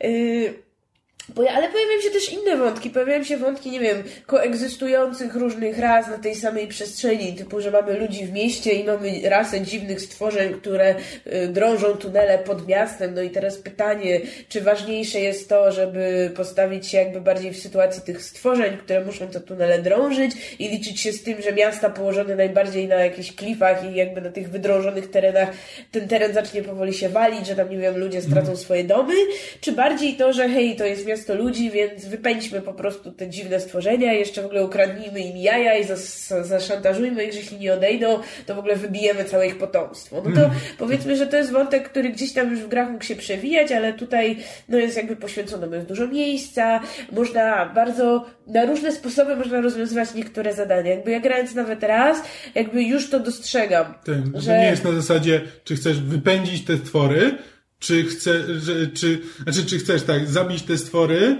czy, czy chcesz im pozwolić dalej, e, dalej kopać. Że to jakby to nie jest taki binarny wybór, tylko zazwyczaj tam masz na zasadzie, że jeszcze możesz się, okej, okay, że możesz się z nimi dogadać, że mają odejść, ale dokąd mają odejść, albo mogą tak. zostać, ale na jakich zasadach. Dokładnie. I tak dalej, i tak dalej. Można jakby, yy, yy można jakby wobec różnych jakby stron konfliktu można podejmować różne działania, czyli jednych można okłamać, że tym drugim powiedziało się coś innego, po czym tych drugich też można okłamać, można tak naprawdę wziąć z tego coś dla siebie. Jakby yy, to, jakie pole do popisu przy niektórych działaniach daje ta gra, jest faktycznie imponujące. Mhm. To, że często na przykład rozwiązanie jakiegoś zadania potrafi też zależeć od tego, kto jest w twojej drużynie, yy, no jak tak, ta tak czasami na przykład jakieś postacie, na przykład jakaś postać z twojej drużyny zaczyna samoistnie rozmawiać z jakąś tam inną postacią niezależną i można po prostu stać i się przyglądać. Jest opcja, nie wiem, w dialogu nie przerywaj im mhm. i po prostu obserwujesz, jak y, ktoś inny to zadanie w jakimś sensie rozwiązuje za ciebie. I to jest wszystko bardzo interesujące. Że, to, to, jest właśnie, skoro przyjdziemy, bo to jest właśnie taki y, dziwny system, gdzie jakby te postaci które z tobą chodzą, właśnie kiedy na przykład próbujesz z nimi rozmawiać, to tych opcji tak naprawdę jest mało. Znaczy, bardzo szybko je wyczerpujesz tak, i one się nie odnawiają. Poznajesz końca... czyjąś historię, bo ta osoba już w miarę ci tam ufa i to jest tyle. Tak, i to jest tyle, że to nie jest tak jak w, w grach BioWare'u na zasadzie, że okej, okay, dobra, to jest e, pierwszy akt, że, tak. tak. że po każdym akcie dostajesz dodatkowe informacje na temat każdej osoby w twojej drużynie i dowiadujesz się o nich czegoś nowego. Zazwyczaj dowiadujesz się o nich wszystkiego tam po właśnie tam pierwszym akcie, że pomagasz im trochę, pomogłeś im, okej, okay, więc teraz poznajesz resztę ich historii, koniec. A tak naprawdę one się, one jakby ożywają dopiero wtedy, kiedy jakiś wątek łączy się z ich historią i wtedy dopiero coś poznajemy e, o nich więcej. Tak, ale właśnie y, też rzecz, która bardzo mi się podoba, to to, że warto z e, określonymi e, postaciami jakby e, przechodzić całą grę, ponieważ jakby ich wątki wracają później. To znaczy, Mhm. jeśli, jeśli ktoś grał, nie wiem, w starsze, te jakby tradycyjne RPG, typu, nie wiem, Baldur's Gate 2, gdzie każdy bohater przyłączalny miał swoje zadanie, no to żeby jakby poznać całą tę grę, robiło się tak, że przyłączało się kogoś, chodziło się z nim, nie wiem, dookoła jakiejś mapy, żeby ten jego quest się aktywował, wykonywało się tego questa, no i jeśli ta postać się nie interesowała, to można było ją zostawić i w tym sposobie jakby w ciągu jednej gry wykonać questy dla wszystkich towarzyszy. No tutaj tak nie jest, bo tutaj jakby na początku jeszcze można tam kogoś odrzucić, kogoś innego przyłączyć, ale generalnie jeśli jakby wyjdzie się z tego pierwszego aktu, no to zostajesz z drużyną, którą jakby masz. I w momencie jak dochodzi się do powiedzmy trzeciego aktu, jakby gra tego nie rozgranicza, ale powiedzmy jest to trzeci duży obszar, to nagle w tym momencie okazuje się, że te postacie, które z tobą szły, w tym momencie dostają swoje wątki, dostają swoje zadania, dowiadujesz się o nich czegoś więcej, mimo że jakby zupełnie się tego nie spodziewałeś. To znaczy, e, nie wiem czy też tak miałeś, ale w momencie jak właśnie moja drużyna dotarła do wykwitu, to nagle aktywowały mi się jakby wątki wszystkich trzech postaci, które mam w drużynie i one mają swoje powiązania w tych lokacjach i swoje questy i to jest coś... e, No chyba pierwszy raz coś takiego widzę, że jakby warto było z tymi postaciami właśnie faktycznie całą tę grę przejść, bo teraz coś się z nimi faktycznie dalej dzieje.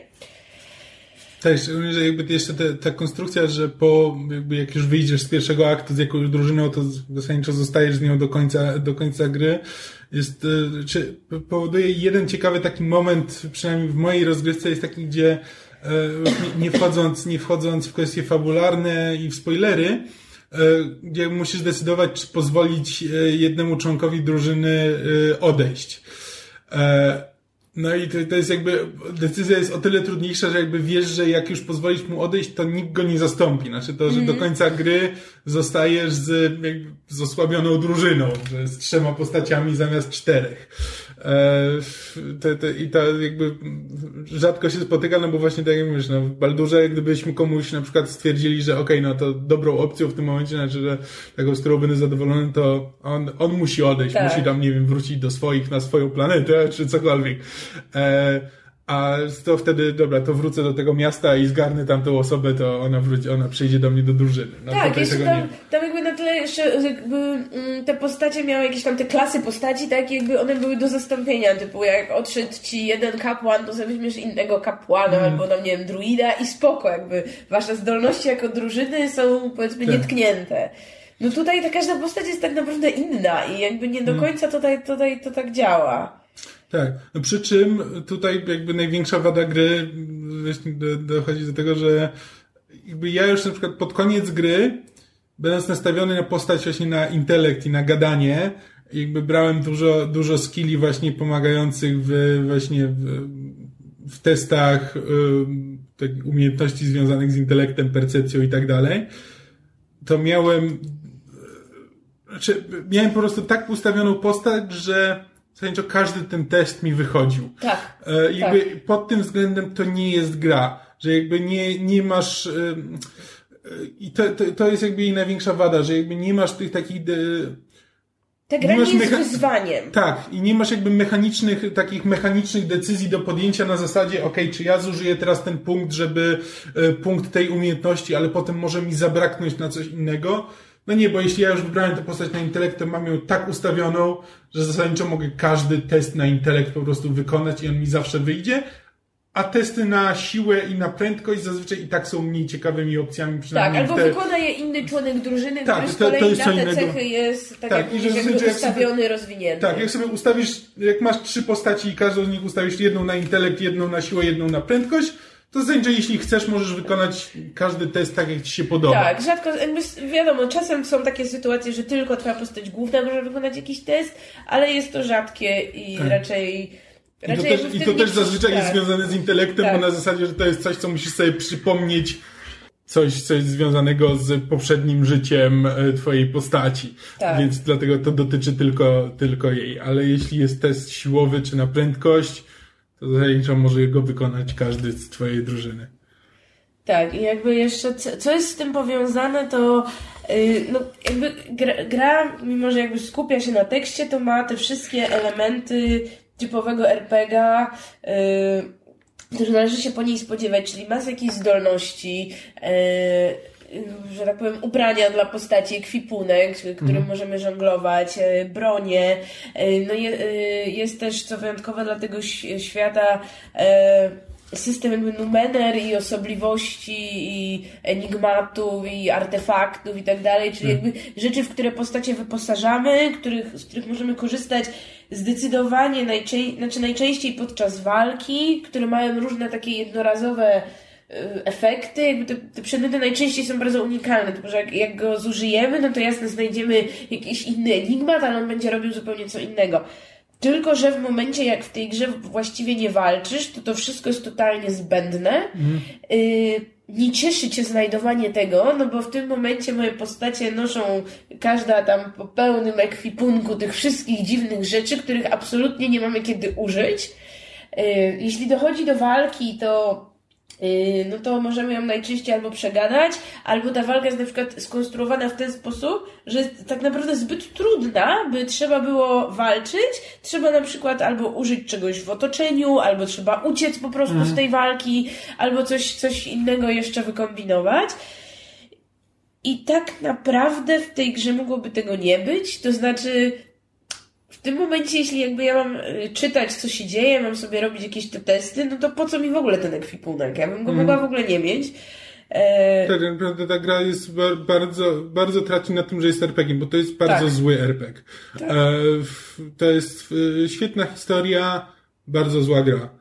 E, I to trochę, znaczy właśnie, że gdyby to była na zasadzie taka po prostu paragrafówka, to ja bym z tym nie miał żadnego problemu. To jakby, to ja bym, nawet prawdopodobnie by mi się bardziej podobała niż, e, niż teraz. I też nie miałaby, nie miałaby tej, e, te, te, tego rodzaju oczekiwań, które, tak. które jakby ludzie, jakby podchodząc do niej, no to myślą sobie, że właśnie, że to jest, no, to jest ten e, staromodny RPG, że to będzie coś na, na modłę właśnie Baldurów, starego Planescape'a.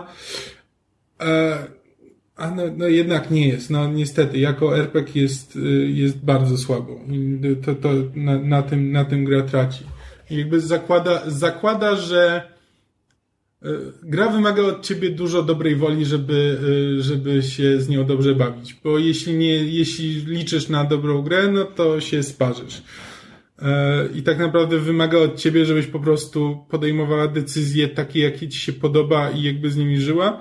No przy czym też, no, jakby w tej grze nie ma dobrych i złych decyzji. No, jakby to nie jest tak, że, że to też nie jest tak jak w Wiedźminie, na zasadzie, że to jest zawsze wybór między mniejszym, mniejszym i większym złem i niezależnie co zrobisz, to zawsze będzie źle. Tutaj zasadniczo jest trochę na odwrót, na zasadzie co nie zrobisz będzie dobrze. Co nie zrobisz będzie dobrze. Znaczy, że jeśli podjąłeś taką decyzję, no to znaczy, że jakby jej konsekwencje, że jakby zdajesz sobie sprawę, jakie będą jej konsekwencje i jesteś gotów z nimi żyć. I jakby gra ci nie próbuje zaskoczyć na zasadzie, że o, pomogłeś jemu, ale on potem wyrósł na mordercę i zabił 100 milionów ludzi. E, nie no, zazwyczaj no po prostu dostajesz, że no tutaj jeśli zrobi, podejmiesz taką decyzję, no to będzie miała takie konsekwencje. A potem ma takie konsekwencje, no i musisz z tym żyć. Co, to nie wiem, no, może się podobać, może nie podobać. Aczkolwiek te konsekwencje właśnie jakoś tak bardzo nie wracają, to znaczy, tak. nie wiem, nie zauważyłam tu jak na razie jeszcze takiego systemu, w którym na przykład fakt, że nie wiem, mając do wyboru pomóc stronie A lub pomóc stronie B, to dajmy na to wybór jednej z tych stron, otwiera mi, nie wiem, inne questy, czy mhm. inną jakąś ścieżkę czegoś tam, niż pomoc tej drugiej stronie. Jakby te zadania są ze sobą raczej niepowiązane tak, tak. I, i to nie jest tak, że jeśli, nie wiem, na początku gry zdecydowałeś, że nie wiem, wspierasz frakcję kogoś tamu, to, to później w dalszej części gry ma na ciebie jakiś wpływ, albo właśnie wiąże się z tym, że kogoś tam spotkasz, albo właśnie dostaniesz jakieś tam zadanie. Absolutnie nie. Mhm. Jakby każdy ten quest jest takim niezależnym, właśnie małym opowiadankiem, które możesz sobie przeczytać, w które możesz się wczuć. No i to tyle. Jakby z reguły jesteś w stanie właśnie rozwiązać to zadanie w taki sposób, w jaki chcesz. To znaczy, właśnie grając konsekwentnie yy, postacią rozwijaną właśnie w tę stronę intelektualną, yy, konwersacyjną, raczej nie będziesz w sytuacji, kiedy, nie wiem, bardzo byś chciał rozwiązać to zadanie w taki określony sposób, typu, nie wiem, właśnie przegadać kogoś, oszukać kogoś, a gra ci tu rzuca jakieś wielkie kłody pod nogi. Nie, jeżeli sobie zdecydowałeś, że mm. tego człowieka okłamujesz, a tamtego człowieka, nie wiem, okradniesz, spoko, nie ma problemu. I właśnie to jest fantastyczna jako ta historia, którą się poznaje, ale tak jak powiedziałeś, no to niezbyt jest gra, bo ona nie jest ani wyzwaniem, mhm. ani nie szczególnie zachęca cię do jakby grania w nią na różne sposoby. To znaczy, po tym jak już tam, nie wiem, prawie ją skończyłam, nie mam tak, że okej, okay, to teraz chcę ją przejść drugi raz, postacią na przykład, która bardziej walczy, albo bardziej się skrada, albo robi jakieś tam inne rzeczy. Mam wrażenie, że w tej grze wtedy już niewiele by dla mnie było.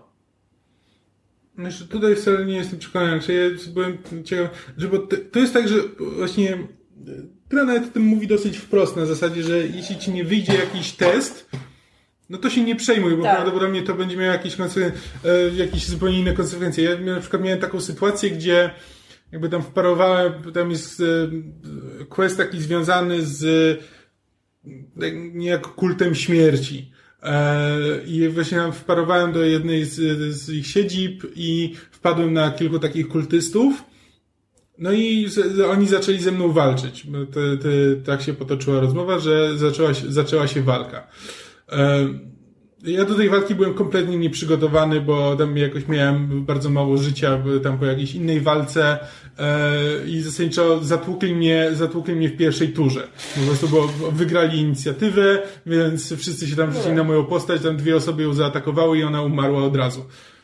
E, tylko, że no, ta gra, w tej grze gramy postacią, która jest de facto nieśmiertelna, bo jak umrze, to tam wraca do swojego tak, w większości pałacu sytuacji, umysłu. No tak. są takie faktycznie, tak, tak. że umierasz, jeśli zrobisz coś bardzo głupiego z reguły, ale w większości tak, sytuacji, jak tak. umierasz, to się odradzasz. Tak, no i, i, ta, no i moja postać wróciła do życia i jakby obudziła się. Ci policzyści na nią spojrzeli o mój Boże, on jest nieśmiertelny, tak jak nasza pani, tak jak nasze ten, tak jak nasza pani. Dobra, zostawmy go w spokoju. Mój Boże, ty jesteś, jesteś wielkim człowiekiem. E, dobra, to, to my uciekamy, e, a, a ciebie szanujemy. Okej, okay, dobra, zupełnie się tego nie spodziewałem. Znaczy, nie tak chciałem, nie tak chciałem zakończyć tą, e, e, tą konfrontację z nimi, ale spoko, czemu nie? To, to są takie rzeczy, których się właśnie zupełnie nie spodziewałem po tej grze, jakby nie spodziewałem się, że tak się potoczą, bo, bo akurat coś tam nie wyszło, e, coś poszło inaczej. I jestem właśnie ciekaw, na ile, na ile właśnie takie rzeczy, i dlatego na przykład ja bym chętnie przeszedł to postacią właśnie na E, bardziej na walkę, na prędkość, tylko po to, żeby zobaczyć, co będzie, jak mi te testy na intelekt nie będą wychodziły i jak się tak, i jak się ta gra potoczy. Nie wiem, być może, że się okaże, że te różnice są, że te różnice są na tyle nikłe, że to nie będzie tego warte. Po prostu jestem, w tym momencie jestem ciekaw, co by było. Ale no nie wiem, czy, czy, czy to mnie nie rozczaruje. To już jest inna sprawa. No właśnie, pozostaje takie pytanie, komu faktycznie można tę grę polecić? Bo jest, tak nie wiem, 50-50 prawdopodobieństwo, że ktoś się od niej odbije, albo że no jednak się w tę historię wciągnie. I tak samo, nie wiem, jest, nie ma jakby konsensusu co do tego, czy ta gra jest jakby tym faktycznym, duchowym spadkobiercą Planescape Torment, czy nie. To znaczy, są ludzie, którzy uważają, że absolutnie nie, bo Torment był jakby wybitny, a ta gra nijak jakby tam nie dorasta do, do niego. Y, no ja jestem z kolei y, bardziej po stronie głosów, że ta gra ma w sobie dużo jednak takiego ducha Tormenta, to znaczy hmm. tematy, które porusza, te znaczy, właśnie wszystkie kwestie, kim jesteś, czym jest świadomość, jakieś niektóre też takie wybory e, moralne, nazwijmy to, wobec jakichś tam innych postaci. E, jakby to budzi moje skojarzenia, jasne. Mm. Znaczy, Tormenta wspomina mimo wszystko lepiej. Pytanie tylko właśnie na ile to jest wspomnienie sprzed tych jakby dawnych lat, kiedy Torment był w ogóle jakby unikalną grą w swoim stylu, a na ile faktycznie Torment był, był, był jednak lepszą grą. Bo tam też był problem z walkami, tam też był, e, były, nie wiem, kwestie e, tego, że najlepiej gra się postacią nastawioną na intelekt, która jakby ma najwięcej tych opcji dialogowych, która pozna największy tak, wycinek przy, historii. W Planescape było jeszcze dochodziło to, że jakby znaczy, e, jakby Numenera stawia przed tobą ewidentnie to, że masz trzy cechy. Siła, prędkość, e, siła, szybkość, intelekt. Jakby jak bierzesz intelekt, to na to przychodzi. Natomiast w, w Tormencie jest tak, że zasadniczo to, to dobre przejście gry, które przez większość ludzi jest uznawane, że właśnie, że dostajesz jakby najwięcej informacji o tym, kim jesteś, dowiadujesz się jak najwięcej Tak, o świecie, o o swojej historii, to jeśli masz dużo wisdomu konkretnie, że to nawet nie jest to, że jesteś nastawiony na, tam, na charyzmę czy na intelekt, bo to czasami ten, tylko że konkretnie wisdom, bo to jest ta cecha, która jest związana właśnie z przypominaniem sobie, z percepcją i tak dalej. I to, i to ci daje najwięcej, no, po pierwsze najwięcej bonusów, bo zazwyczaj to są właśnie testy, które, testy, które dają ci jakiś tam stały bonus do cech, to są zazwyczaj właśnie na wisdom. E, I Planescape pod tym względem jakby... W, znaczy ja, z Planescape'a pamiętam o tyle dobrze, że ja, jak wyszedł Planescape, to ja w niego grałem i tam zaszedłem dosyć daleko, ale nigdy go nie skończyłem. Więc ja go skończyłem po raz pierwszy kilka lat temu. Więc tam w miarę, w miarę go pamiętam dobrze. Tylko, że właśnie tam jest, tam jest ta kwestia, że to nie jest tak, że możesz sobie wybrać, jak tę grę przejdziesz zawsze, tylko jest tam ta kwestia, że no, jeśli nie poszedłeś w Wisdom na samym początku, no to sorry, po prostu pewne elementy tej gry będą, do ciebie, będą dla ciebie zamknięte. I jakby i Tak, nawet się o tym nie dowiesz. Tak, i że nigdy się o tym nie dowiesz, bo jakby o pewnych rzeczach po prostu dowiadywałem się, bo przeczytałem poradnik na początku. Zanim zacząłem grać w tę grę, no to właśnie przeczytałem poradnik, z którego się właśnie dowiedziałem to, że y, to jest, że to jest najlepszy build, że jeśli chcesz poznać jak najwięcej świata, dowiedzieć się jak najwięcej o postaci, to zacznij z tam, nie wiem, osiemnastką na wisdom, szesnastką na inteligencję, czternastką na charyzmę i to będzie ten optymalne, to optymalne przejście gry, które pozwoli ci poznać e, jak najwięcej świata. E, No i pod tym względem, no to też jakby ten budowa Planescape'a nie jest naj, nie jest najlepsza, a już o walkach nie mówię, ja nienawidzę walk w Planescape'ie. Po prostu dla mnie za każdym razem, jak musiałem przejść przez jakieś tunele pełne zombiaków, to po prostu zagryzałem zęby tylko po to, żeby do, dojść dalej do jakiejś historii. I być może jakby właśnie te, taka, znaczy to właśnie, to moje wspomnienie Planescape'a jakby sprawia, że e, oceniam trochę łagodniej e, to podejście Tormenta na zasadzie jeśli chcesz, to przejdziesz tę grę tak, jak ci się to żywnie podoba i jakby my ci nie będziemy stawać na drodze. Że jakby to jest tylko, przy czym no, tak naprawdę no to ta gra by działała lepiej, gdyby była po prostu paragrafówką, jakby Albo tego nie ukrywała, tak, albo przygodówką, na zasadzie tak, że po prostu, że masz postać, którą chodzisz po świecie, Tak. i podejmujesz wybory i jakby i olać cały ten system właśnie rozwijania postaci, które niewiele tutaj wnosi. I nawet jeśli chce się grać postacią na walkę, to prawdopodobnie będzie się tą grą rozczarowanym, więc tak naprawdę no nie, chociaż też nie wiem, no nie jestem pewien jak te konflikty wyglądają, kiedy zaczynasz walczyć i co się Znaczy, wtedy ja nie ukrywam, że mnie się ten system walki po prostu nie podoba. Hmm. Po pierwsze na pewno dlatego, że jest turowy, więc y, no ja niestety mam problem y, z walką w trybie turowym i no może to jest dziwne, ale już dużo bardziej właśnie wolałam walkę w Planescape'ie, która była na D&D, która miała tylko aktywną pauzę i tam sobie ustawiałam w kolejce jakieś tam, nie wiem, pięć razy magiczny pocisk i tyle. I, i, i jedziesz, tak? A tutaj, no to każda ta tura trwa nieskończenie dużo czasu. Jak masz wiele przeciwników, to zanim oni się przysuną, zanim oni coś zrobią, jakby ta walka jest strasznie taka nużąca, no, dla Zupełnie mnie. jak TDK. Tak, no, tylko że daje rzeczywiście. Znaczy, ja pamiętam, że y, jak ta gra powstawała, to w którymś momencie jakby decyzję o tym, czy ta gra ma być turowa, czy w czasie rzeczywistym z aktywną pauzą podejmowali e, podejmowali jakby gracze wspierający tę kampanię. Jakby to jest, i tam było tak, że no ta opcja turowa chyba tam wygrała, ale dosłownie nie wiem, jednym procentem czy coś takiego. Um, przy czym, no, wydaje mi się, że tutaj rzeczywiście byłoby lepiej, gdyby to była aktywna pauza, bo rzeczywiście są takie spotkania, gdzie jest na tyle dużo przeciwników, że no tak, no po prostu ty zrobisz tam parę rzeczy, a potem czekasz. I jeszcze to, że teoretycznie właśnie można, nawet, nawet w trakcie walki możesz podejść do kogoś i z nim porozmawiać. Tylko, że ta gra jest na tyle głupio skonstruowana, Zanim do niego dobiegniesz, miją dwie tury na przykład. tak, że, że, to, że musisz poświęcić dwie tury, żeby z kimś porozmawiać, bo, bo jeśli dobiegasz do kogoś, Tak, ale miałeś na tyle daleko, że musiałeś wykorzystać jakby, bo tam ta, tu, każda postać w turze ma jakby dwie, dwie rzeczy, które może zrobić. Jedna to jest ta faza, powiedzmy, ruchu, gdzie może się Mhm. przemieścić i niektórych przedmiotów, powiedzmy, można użyć zamiast fazy ruchu.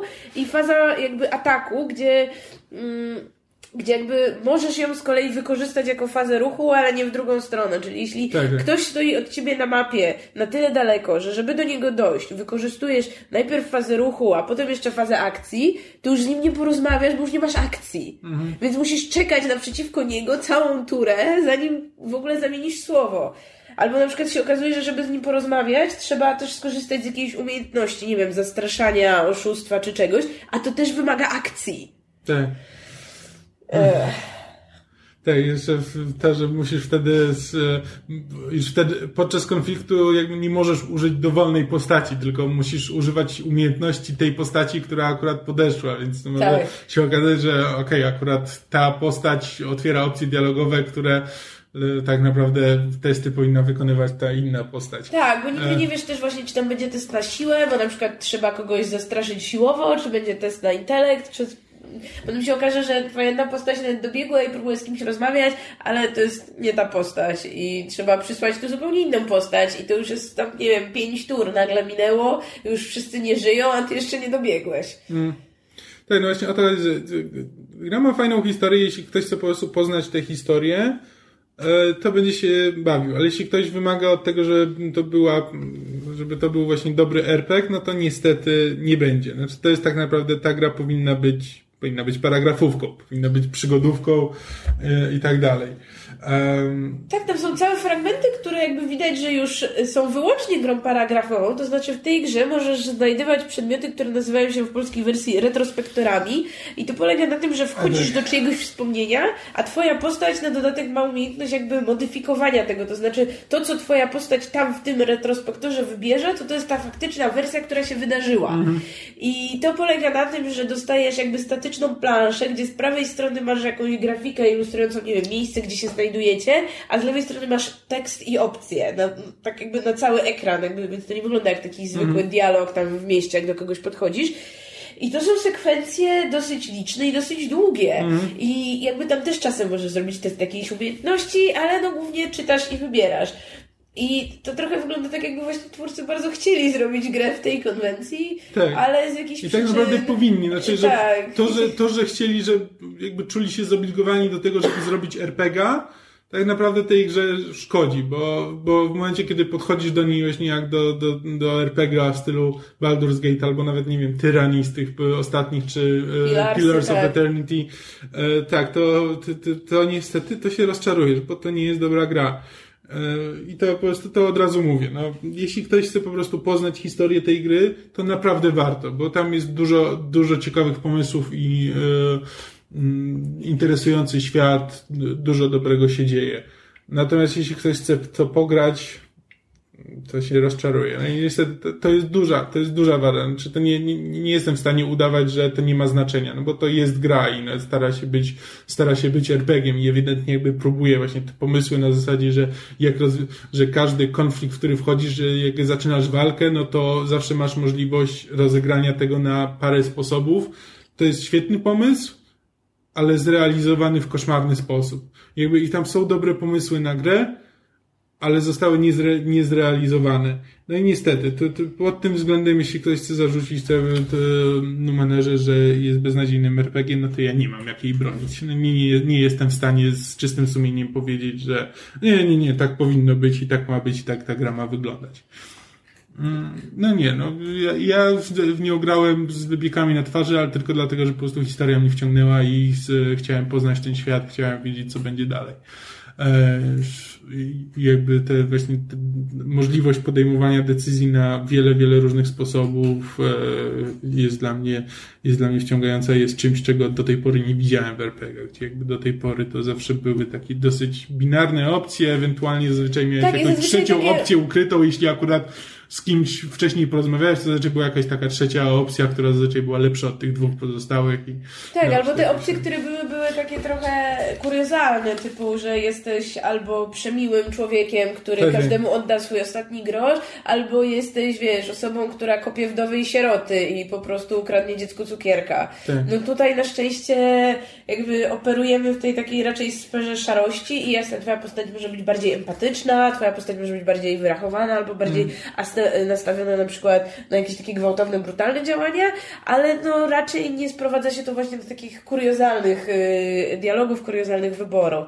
Ale jeszcze co do zarzutów, znaczy, to jest może i najsłabszy zarzut z tych, o których mówimy, ale jednak mnie trochę boli.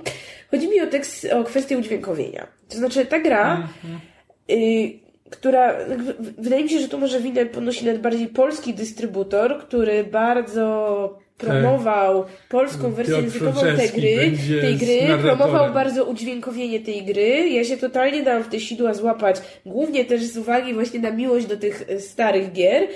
Po czym się okazuje, że ta gra jest udźwiękowiona w stopniu znacznie mniejszym niż właśnie były Baldury, czy był stary Znacznie Planescape. mniejszym, wręcz minimalnym. Na Tak, to zasadzie, że znaczy- mamy udźwiękowienie na początku. Tak, mamy narratora, który na początku czyta 10 zdań, a później, e, jeśli chodzi o postacie przyłączalne do drużyny, to one mówią pierwsze zdanie ze swoich jakichś tam dłuższych dialogów, czyli jakie poznajesz, to z reguły mówią to pierwsze tam zdanie na głos, i później co jakiś czas, jak macie nowe opcje dialogowe, to one też mówią na głos pierwsze zdanie. I ja nie rozumiem tego, to znaczy, czemu to służy? Jakby zdaję sobie sprawę z tego, że udźwiękowienie pełnej gry to jest jedna z rzeczy najbardziej idących w koszta to po co w ogóle to robić? Po co, po co Tak. było, nie wiem, zatrudniać aktorów, którzy przeczytają w sumie pięć zdań? To już chyba lepiej było sobie w ogóle ten aspekt odpuścić. No albo jednak, yy, no nie wiem, jakoś, jakoś jeszcze inaczej to rozwiązać. Znaczy ja nie mam problemu na przykład z tym, że moja postać nie mówi, ale mam problem z tym, że nie wiem, raz na pół godziny słyszę jedno zdanie i, i to jest Ja, poza dziwne. tym jakby, ja rozumiem, że ta gra na przykład nie jest w większości wypadków udźwiękowana, ale, czy napra- ale naprawdę jeśli już chcemy, że okej, no to y, postaci z naszej drużyny jakby mówią, no to czy to naprawdę byłoby takie trudne, żeby ich wszystkie kwestie dialogowe, Tak. że po prostu, że mamy taką konwencję, że większość gry się rozgrywa bez dźwięku, ale kiedy nasze postaci z, z naszej drużyny w, się odzywają, no to wtedy są udźwiękowione. No to naprawdę nie jest aż tak dużo tego tekstu, żeby Tak, tam E. zdecydowana większość tekstu to jest jakby narracja gdzieś tam w tle albo rozmowy z bohaterami po prostu niegrywalnymi, więc no nie rozumiem tego i właśnie nie rozumiem też w, tej, w tym kontekście tej rozdmuchanej kampanii promocyjnej polskiej wersji językowej, gdzie Piotr Franceski jest przez 5 minut na początku gry, a jego nazwiskiem jest ta gra szalenie promowana. Mhm. Tak. To mnie to, to boli. No. Dobra historia, zła gra. Tak. Możecie spróbować, jeśli wiecie, że jeśli lubicie czytać książki i lubicie czytać dziwne książki, na przykład lubicie książki z serii Uczta Wyobraźni od wydawnictwa MAG, to moim zdaniem ta gra bardzo Wam się spodoba, bo to jest właśnie taki klimat, taki new weird, przedziwne koncepcje, przedzi, przedzi, przedziwne uniwersum i pod tym względem na pewno warto, ale jeśli na przykład nie przypadacie za czytaniem i gracie w gry, albo no nie wiem, lubicie czytać, ale nie po to gracie w gry, to raczej nie. Tak, to trzeba odpuścić. No. A to skoro mówimy o grach, które nie są grami, nie właśnie tylko dla historii, to jeszcze bardzo szybko, e, bo tutaj na pewno nie, nie ma wiele do powiedzenia, e, nie wchodząc w spoilery. E, Skończyłem grę, nazwijmy to grą, Gone Home. Gone Home jest bardziej takim eksperymentem narracyjnym. To polega na tym, że gramy młodą dziewczyną, która wraca, po, wraca do domu po długim czasie spędzonym za granicą. I kiedy przychodzi do domu, to zostaje ten dom e, pustym.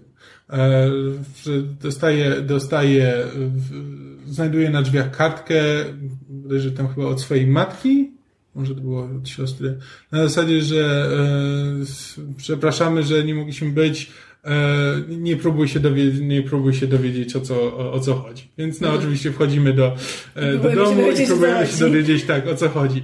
E, I cała gra, no właśnie to nie jest gra, bo tylko chodzimy po domu, otwieramy każdą szufladę i każdy mebel, e, znajdujemy e, różne notatki, książki, e, fragmenty, fragmenty tam pamiętników, e, paragony, najróżniejsze po prostu pisemne informacje, które pozwalają nam się dowiedzieć, że kim jest ta rodzina, co się tutaj wydarzyło.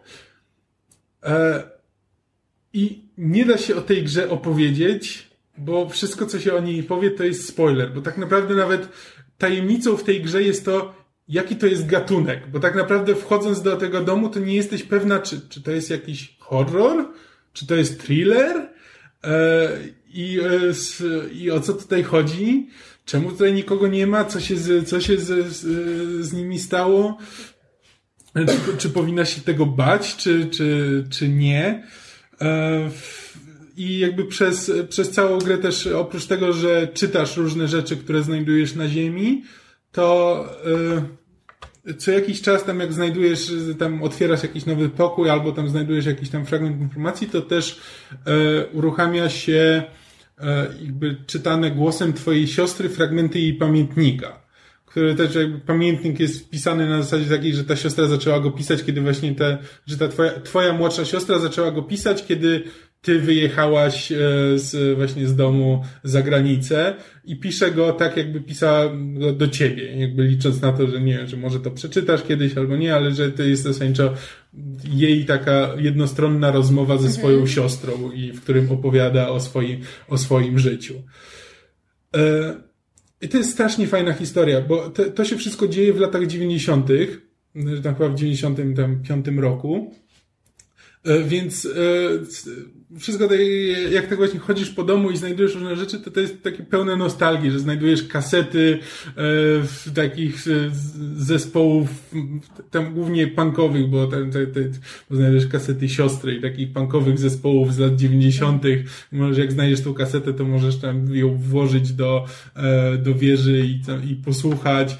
Znajdziesz, wszędzie tam wiszą plakaty z archiwum X, albo znajdujesz kasety kasety z różnymi starymi filmami i po prostu takie, takie nostalgiczne smaczki, które, e, które tam są interesujące. Jakby to też to, że akcja się dzieje w latach 90. jakby ma pewne znaczenie dla, e, dla historii. Podobnie jakby gdyby była osadzona współcześnie, to, e, to, to by trochę nie grało. Um, I to jest to, to, to jest gra na, chyba nie wiem, za dwie godziny może to zajmuje przejście, przejście całej gry. To jest tylko takie, taki, właśnie mówię, to jest taki eksperyment narracyjny, że po prostu poznajemy jakąś historię, ale nie czytamy jej w książce. Gdybyśmy ją czytali w książce, to ona prawdopodobnie nie byłaby aż tak ciekawa, jakby to, że ją poznajemy w taki dosyć właśnie e, rozbity sposób, niekoniecznie chronologiczny, e, jakby sprawia, że musimy to poskładać do kupy w swojej głowie. E, I to się po prostu fajnie, fajnie poznaje tę historię. I, on, I ona jest w sumie ciekawa, choć na pewno nie wszystkim podejdzie. E, jestem pewien, że wiele osób, nawet jeśli będzie gotowa się pogodzić z tym, że to nie jest gra, e, to też to stwierdzi, że ta historia, że ta historia jest głupia i że, że jej nie lubi. A, a mnie się bardzo, a mnie się bardzo podobała. I ogólnie polecam, choć trzeba poczekać na jakąś promocję. Jeśli chcecie ją kupić, to, to, to na pewno nie warto za pełną cenę, bo ona oryginalnie chyba kosztuje 80 zł. I to nie jest, to, to, to, jakby nie warto wydawać 80 zł na te tam 2-3 godziny gry. E, warto poczekać, aż będzie jakaś promocja, gdzie to będzie można kupić za co najmniej połowę tej ceny. Mm, ale ponieważ to jest gra sprzed, tam, sprzed paru lat, to, to na pewno, na pewno jakieś promocje się znajdą. No, ale tak poza tym to polecam, ale nie jestem w stanie powiedzieć czemu. To co, premiera tygodnia? Tak. Przechodzimy do premiery tygodnia, bo byliśmy wszyscy kupą Cuzamen, e, tak jak tu siedzimy, na... Pięknej bestii! Jaki chórek. No ba. E, no i jak? Och, jak super. No. Po prostu... E, ja zacznę od tego, że animowana Piękna i Bestia to jest mój absolutnie numer jeden film Disneya, a widziałam prawie wszystkie. Film po prostu mojego dzieciństwa i, i nie tylko. Film, który widziałam chyba naj, największą liczbę razy. Y, przy czym prawie zawsze w wersji angielskiej, więc jakby w wersji polskiej nie znam i nie mam do niej jakby żadnego stosunku. I tak bardzo się bałam, czy, czy Disney jakby podoła, no bo... Yy, Inaczej się idzie na ten film, jeśli tam, nie wiem, Piękną Bestię widziało się tam raz kiedyś i, i nie jest się z nią związanym. Inaczej się idzie na film, od którego jakby jakby ma się tak wysoko postawioną poprzeczkę i, i tak, tak jakby tak wielkie oczekiwania, żeby, żeby to miało w sobie tę samą magię, żeby tak samo porwało, żeby wzbudziło te same emocje. I o mój Boże, udało się. Tak więc jeden z najlepszych, jakby tak powiedzmy, popkulturowych y, seansów, gdzie nie tylko jakby y, dostałam film, który bardzo mi się podobał, na którym świetnie się bawiłam, ale też właśnie film, który absolutnie w żadnym celu nie zawiódł hmm. ogromnej po prostu takiej, takiego stosu właśnie oczekiwań, wspomnień i, i reszty. Hmm. Znaczy ja nie mam, że tak powiem, silnych, emocjonalnych um, uczuć w stosunku do Pięknej Bestii. Znaczy uważam, że to jest bardzo, bardzo fajny film, bardzo go lubię oglądać, natomiast nie jest to e, w żadnym wypadku mój ulubiony film. I miałam Kamil świadkiem, że jakby przed, przed seansem um, dumałam, że boję się, że będę na ten film zła, w sensie, że autentycznie mi się nie spodoba, albo że po prostu po mnie spłynie, tak jak e, Kopciuszek, e, który Kenneth Branagh wyreżyserował właśnie tę fabularną adaptację animacji. E, albo że, że będzie po prostu filmem poprawnym, tak jak piękne, e, twój, nie piękne bestie, tylko Księga Dżungli. E, w związku z tym byłam... Przyjemna, ale... Tak, no po prostu zupełnie poprawny film, natomiast byłam w bardzo miłym ten, w bardzo miłym szoku, jak bardzo mi się ta piękna bestia spodobała i, i jakby, i dobrze się bawiłam i się wzruszałam i nie miałam zbyt wielu zarzutów do tego, jak to zostało zaadaptowane względem oryginału, w sensie e, co zmieniono, jak pewne rzeczy pokazano inaczej, e, które rzeczy pokazano tak samo. E, jedyny tak naprawdę zarzuty, nie wiem, czy, czy krytyka, jaką mam, to są dwie rzeczy. Jedna to jest, i tego się spodziewałam, to jest w stosunku do nowych piosenek, ponieważ na, na potrzeby tej adaptacji um, oryginalni um, twórcy. twórcy, tak, muzyki i, i tekstów napisali um, nowe, nowe piosenki. A druga rzecz to jest jakby są w filmie momenty, gdzie jakby ta magiczna, taka bardzo ekspresyjna, animowana, animowany klimat się styka z tym bardziej realistycznym, który wynika z tego, że to nie jest animacja, tylko film e, live action. I były takie momenty, kiedy czułam jakiś taki zgrzyt. Na przykład fakt, że w filmie jest wyraźnie powiedziane, że, że jakby w tym świecie magia nie istnieje. I w momencie, kiedy jakby bohaterowie się orientują, że magia jednak istnieje, to praktycznie nikt tego nie, nie komentuje, nie ma żadnej jakby wielkiej reakcji poza tym, że ojej, mówi do mnie czajnik, czy tam e, filiżanka. Jakby nie ma, jak na to, że film próbuje być w jakimś stopniu realistyczny i nawet te, te elementy magiczne e, w jakoś ten, ten, ten prawdziwy świat w, wpasować, to jakoś nie ma tego, nie, nie, czuć tego ciężaru, co jest tylko jakby potęgowane przez to, że um, nawet, nawet te y, sceny, które jakby w oryginale były, jak to nazwać? Um, takie jakby bardzo intensywne i dużo się w nich działa, na przykład właśnie piosenka otwierająca film, gdzie jakby właśnie mamy to miasteczko i to wszystko jest tak pokazane. Jakby klimat tej sceny jest dla mnie spójny potem na przykład z Be Your Guest, który mm -hmm. jest, prawda, wielką ekstrawagancją, to jest po prostu jak, jak mini, mini, mini show broadwayowski, czy mini tak. kabaret po prostu w, Um, na stole. Tak, na stole. Oczywiście bardzo nierealistyczne, nawet w ramach magii tego świata, no prawda, tam wieża Eiffla ze, ze sztućców. Wszyscy wiemy, że to jest po prostu przeszarżowane, to jest musical number w filmie. A z kolei w tej, w tej, w tym, w tym nowym filmie, w tej, w tej adaptacji live action, mimo wszystko miałam ten taki drobny zgrzyt pomiędzy na przykład właśnie piosenką, sekwencją otwierającą film i piosenką w miasteczku, gdzie mimo wszystko to było jakby, co, co ja się nachyliłam do ciebie i powiedziałam, kurczę, w tym małym francuskim miasteczku strasznie dużo ludzi przychodzi na ten targ. To było takie trochę nieprawdopodobne. A potem, jak, jak to postawimy obok tego, jak w filmie jest pokazane właśnie Be Your Guest, z tą całą szarżą i kiczem i magią i przesadą, czuję zgrzyt. Bo właśnie to jest jakby to takie, że film momentami nie do końca się może zdecydować, czy chce być tym, tym over the top musical, czy chce być bardziej tym, tym realistycznym filmem. I na przykład mam wrażenie, że dlatego Kopciuszek mnie tak mało, znaczy nawet nie tyle mało ruszył, ale jakby uznałam go za absolutnie poprawny film, był taki, że mimo wszystko Kenneth Branagh próbował tę magię jakoś realistycznie wpasować i zachował przez cały film ten, ten klimat tego, że to jest mimo wszystko prawdziwa historia. A tutaj jakby miałam taki, taki rozdźwięk, co, co dodatkowo potęgowały właśnie te nowe piosenki, które były jakby bardzo, pie bardzo pięknie napisane i fantastycznie wykonane. Zresztą piosenka solowa Bestii, którą o, przepiękna. samotnie śpiewa na wieży, jak, jak żona żeglarza, która wygląda swojego ukochanego, e, był bardzo, bardzo piękny. Natomiast jest różnica muzyczna między tymi nowymi utworami a starymi. To znaczy, te nowe utwory brzmią jak, jak że tak powiem, partie z, ze współczesnego broadwayowskiego musicalu, a no jakby te, te oryginalne utwory, to nawet nie chodzi o to, że je znamy, jesteśmy z nimi osłuchani, tylko one mają zupełnie inny klimat. One właśnie mają, mają klimat tego, tego wiesz, grand, grand musical, a nie tego takiego współczesnego broadwayowskiego musicalu, który stara się być jakiś taki schludny i, i troszeczkę, nie wiem, awangardowy w jakimś takim sensie. Miałam, miałam parę takich zgrzytów, natomiast e, wokalnie jest fantastycznie, aktorsko jest fantastycznie, casting jest po prostu bezbłędny. Tak, po prostu casting w tym filmie to powinien dostać jakąś swoją oddzielną nagrodę, mm. bo absolutnie każdy aktor, czy głosowy, czy jakby widzialny w całej swojej postaci na ekranie jest po prostu dobrany chyba najlepiej jak się dało. I naprawdę, patrząc na te postaci, aż trudno sobie jakby przypomnieć, jak to było, jak jakby to, to, to nie oni byli tymi postaciami.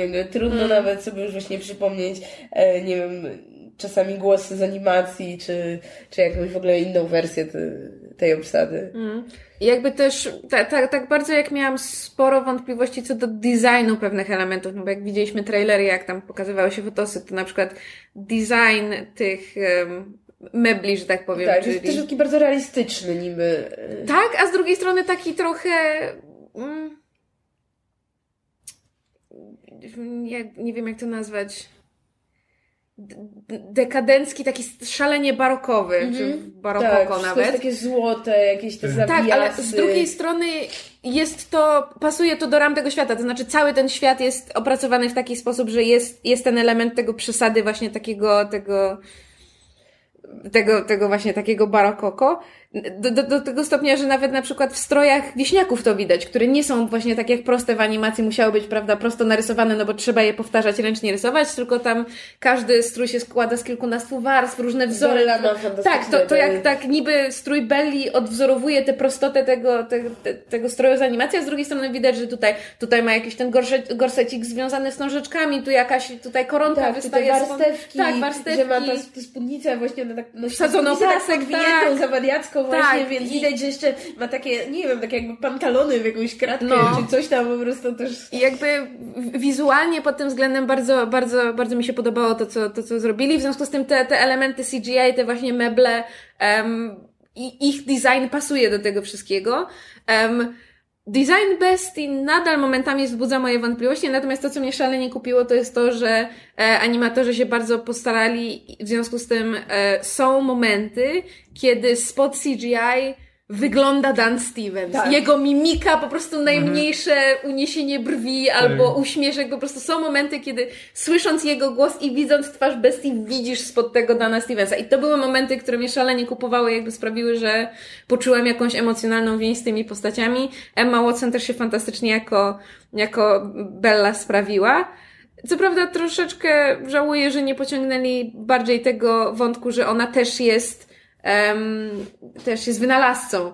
Bo jakby wiemy, że jej ojciec jest wynalazcą, to jest jakby wzięte z oryginału, natomiast tutaj dodali ten element, że Bella też sobie tam e, coś tam skrobie, jakieś wynalazki tworzy i to się pojawia tylko raz tak naprawdę. Tak, na samym początku tak naprawdę, kiedy jakby widzimy ten jej wynalazek i widzimy też e, jakby wieśniaków, którzy mają kolejny powód, by jakby wytykać ją palcami, że ona jest tą dziwną osobą, że co ona to w ogóle wyprawia, czemu ona nie pierze normalnie, jak wszyscy ręcznie, tylko tak. jakiś wynalazek sobie wynajduje, jakąś protopralkę i co to może być. Ale właśnie tego typu dodanych malutkich elementów jest w filmie wiele i myśmy rozmawiały po sensie, że to jest strasznie fajnie, dlatego że to są małe, nienachalne elementy, które albo są dodane na zasadzie urocza scenka, tak. albo dowcipny moment, albo coś, coś, jakiś dodatek do postaci, ale są też bardzo niewielkie wzmianki, które ci tłumaczą świat, czyli na przykład Tak. tłumaczą wątpliwości, które wszyscy mieli po obejrzeniu oryginału, na przykład Tak. dlaczego nikt nie kojarzy, że tutaj był kiedyś taki książę i pałac i dlaczego wszyscy Tak, nie dlaczego- kojarzą, że to tam jest, albo dlaczego tam jest zima zawsze. Znaczy, Mhm. dlaczego e, w oryginale oni w Tak, pewnym momencie się rzucają śnieżkami, mimo że jakby wszędzie indziej jest lato. Tak, że film się zaczyna jak jest lato, mija, nie wiem, tydzień i nagle jest środek zimy, Tak. tak? I, I tak samo to, że to był też Znaczy- jeden z takich popularnych zarzutów wobec animacji, że, że, y, że mm, jakby kwestia wieku księcia nie miała tam sensu, bo tam było powiedziane, że minęło, nie wiem, 8, że on miał potem 18 lat, Nie, bo to jest- to minęło ileś, więc na początku miał 6. Nie, to jest inaczej. To jest powiedziane, że on, że, że róża zakwitnie w jego 21 urodziny, a potem w pewnym momencie Lumière mówi, że w piosence jest 10 years we've been rusting, że- jakby, że, że są zaklęci od 10 lat, więc prosta matematyka, 21 minus 10 jest 11. Ona za, za, zakleła w bestię, przekleła 11-letniego chłopca. I wymaganie od 11-letniego chłopca, żeby miał dobre wychowanie i maniery i ją wpuścił do zamku jest idiotyczne, więc to, co oni zrobili na początku, stwarzając ten e, prolog, w którym Dan Stevens wygląda absolutnie wybitnie w, e, w full makijażu, Tak, bucikach jego- na obcasie i po prostu... mimika, jako ten I tak, zepsuty i ruchy, no po prostu oraz- poezja, poezja. Myśmy tam już, już jakby to jest ten moment, Kwiczały, już tak. kwiczałyśmy, tak? E, w każdym razie to jest fantastyczny element i to jakby też pokazuje, że, że na przykład ten element dodany, że, że to nie jest tak, że, że c- cała obsługa zamku została przeklęta jak, niejako z defaultu, to znaczy oni po prostu wrong place, wrong time i ona ich wszystkich przeklała, bo oni też byli częścią tego dekadenckiego, rozpuszczonego życia. Oni jakby potem w filmie mamy powiedziane, że oni widzieli jak, jak, jak bestia był wychowywany i, I że oni nie nic nie zrobili, zrobili, tak. więc jakby takie maluteńkie elementy, które dodają do tego wszystkiego. Jedyne tak naprawdę, do czego ja bym się przyczepiła w kwestii dodanych elementów, tutaj że, jest... Że, e, że, te, też jakby ten, ten element taki, że no oni widzieli, ale nic nie zrobili, no oni są służbą, no jaki oni mają obowiązek w, wtryniać się w wychowanie księcia. E, jak są... Nie, no tak, ale No, na takiej tak. samej zasadzie można zadać pytanie pod tytułem, no dobrze, ona, ona zakleła zamek, żeby tam zawsze była zima.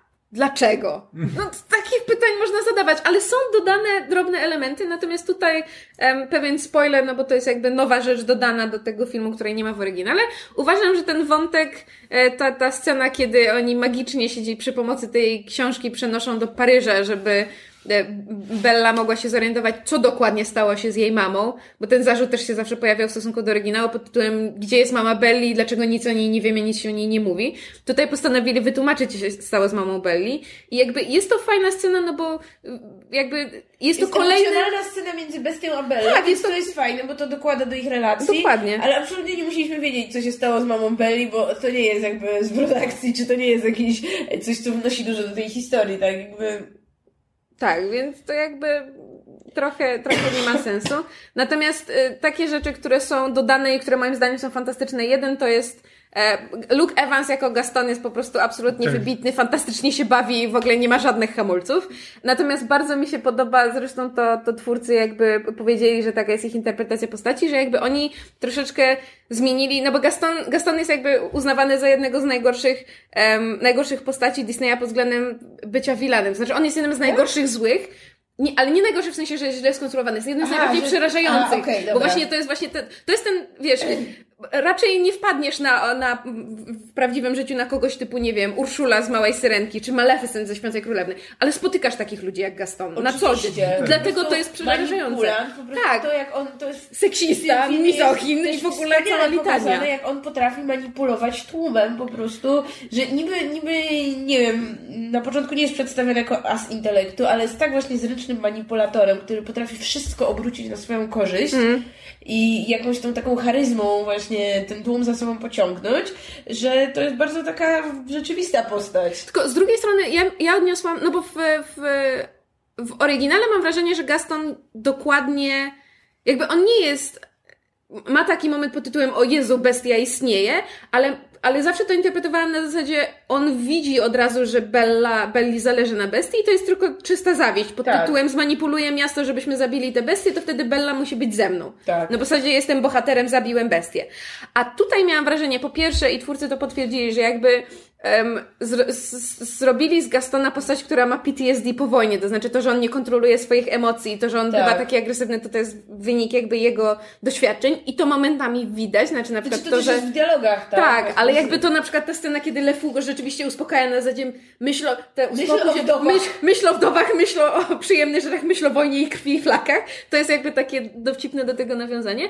A poza tym e, autentycznie w, w tej wersji zinterpretowałam scenę, w której Gaston em, że tak powiem, ten e, wiedzie lud na barykady, prawda, z pochodniami z, i, z, i z widłami na bestie, jako autentyczny autentyczne przerażenie ciemnogrodu, to znaczy na zasadzie tak jak były, wiesz, polowania na czarownicy. On autentycznie nigdy nie widział magii, jest skrajnie przerażony i jego natychmiastową reakcją przyjętą jakby właśnie z wojny jest zaatakować, zniszczyć Tak. to, czego nie rozpoznaje.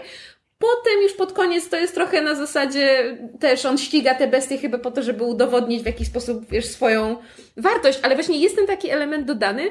No i jeszcze jest oczywiście cały, cały wątek Lefu. Tak. Bo, okej, Znaczy, Były- wątek, to brzmi za du- To jest tak naprawdę trzecioplanowe mrugnięcia okiem do widza. Tak, Tak. i jakby by, były, były, były afery, znaczy afery w pewnym sensie e, media bardzo rozdmuchały fakt, że e, twórcy otwarcie przyznali, że, że w ich interpretacji Lefu jest, jest homoseksualistą i że Tak, jego jest relacja z. Gastonie, oczywiście Tak, bez nieszczęśliwie.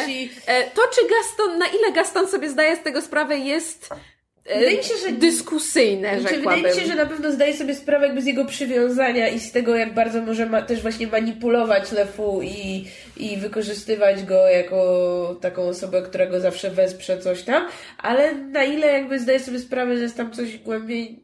Ja nie wiem. powiedzieć. No właśnie ja.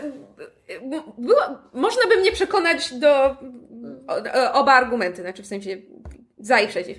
E, Natomiast to, co mi się bardzo podoba, to jest jakby, abstrahując właśnie od jakby e, relacji Gastona i Lefu i, i, i tego właśnie aspektu, że tak powiem, nieszczęśliwej, takiej szczenięcej miłości i podążania za Gastonem i, i prób przypodobania się mu, to na przykład taka malutka rzecz, tutaj też, nie wiem, spoiler, no bo to jest element dodany do, do, do tej nowej wersji, że em, Lefu, jest pokazane, że Lefu ma wątpliwości. Kiedy Gaston wiedzie lud na, na bestie z, widłami i z pochodniami, to Lefu Tak. wyraźnie śpiewa, bo ma tam dodaną linijkę w piosence pod tytułem Kurczę, Kto tu jest bestią tak, tak, na zasadzie, czy- my na pewno robimy dobrze, a potem z kolei w, w trakcie e, walki w, w, w pałacu Przechodzi na stronę mebli. tak, przychodzi na stronę mebli. Co, co prawda jest to moment i potem to już nie wraca. On jakby chyba, nawet nie jest pokazany jak on, jak on ucieka z zamku razem z innymi. Nie jest pokazane, czy on zostaje z nimi, co się dzieje. Natomiast jest ten taki moment pod tytułem Lefu nie jest, nie jest... e, Nie jest jakby głupcem, tak? Tak, właśnie nie jest jakby jesteśmy w stanie go jest zrozumieć, tak, tak. że jakby rzeczy złe, które on robił wynikały no, po części z jakiegoś zaślepienia uczuciem,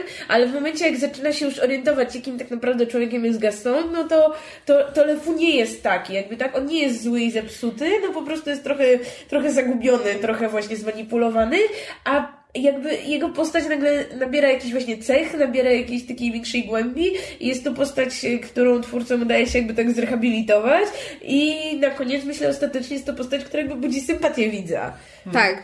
Też no, Josh Gad jest fenomenalny w tej roli, jakby nie oszukujmy się, jakby stworzony do niej. No, em, co jeszcze? Em, CGI, właśnie tak jak wspominałam o, o, o bestii, że jest fantastycznie, fantastycznie zrobione, jakby design tych, tych postaci jest też bardzo fajny, to były takie momenty, jakby abstrahując od, od, od zgrzytów pod względem klimatu czy, czy konwencji, natomiast to, jak ten film jest właśnie zanimowany, jak i na jakim poziomie stoją efekty specjalne, ja jestem po prostu, były takie momenty, kiedy autentycznie szczęka mi opadała i ja nie byłam w stanie umysłem pojąć, jak oni to nakręcili. Właśnie czytałem jakiś wywiad z Danem Stevensem, który opowiadał, nie wdając się jakieś tam techniczne szczegóły, że to była jakaś w ogóle nowa technologia zastosowana, że jakby kręcili to yy, jakby w kilku, w kilku warstwach, znaczy osobno kręcono jego twarz, gdzie miał po prostu te wszystkie punkty Mhm. ponakładane, osobno kręcili jakby jego w jakimś tym takim szarym stroju na szczudłach, Tak. po prostu i opowiadał, jak musiał nauczyć się tańczyć, najpierw no musiał się nauczyć te, tej sceny słynnej sceny Tak, walca, na- najpierw na musiał się jej szczudłach. nauczyć jakby tak normalnie,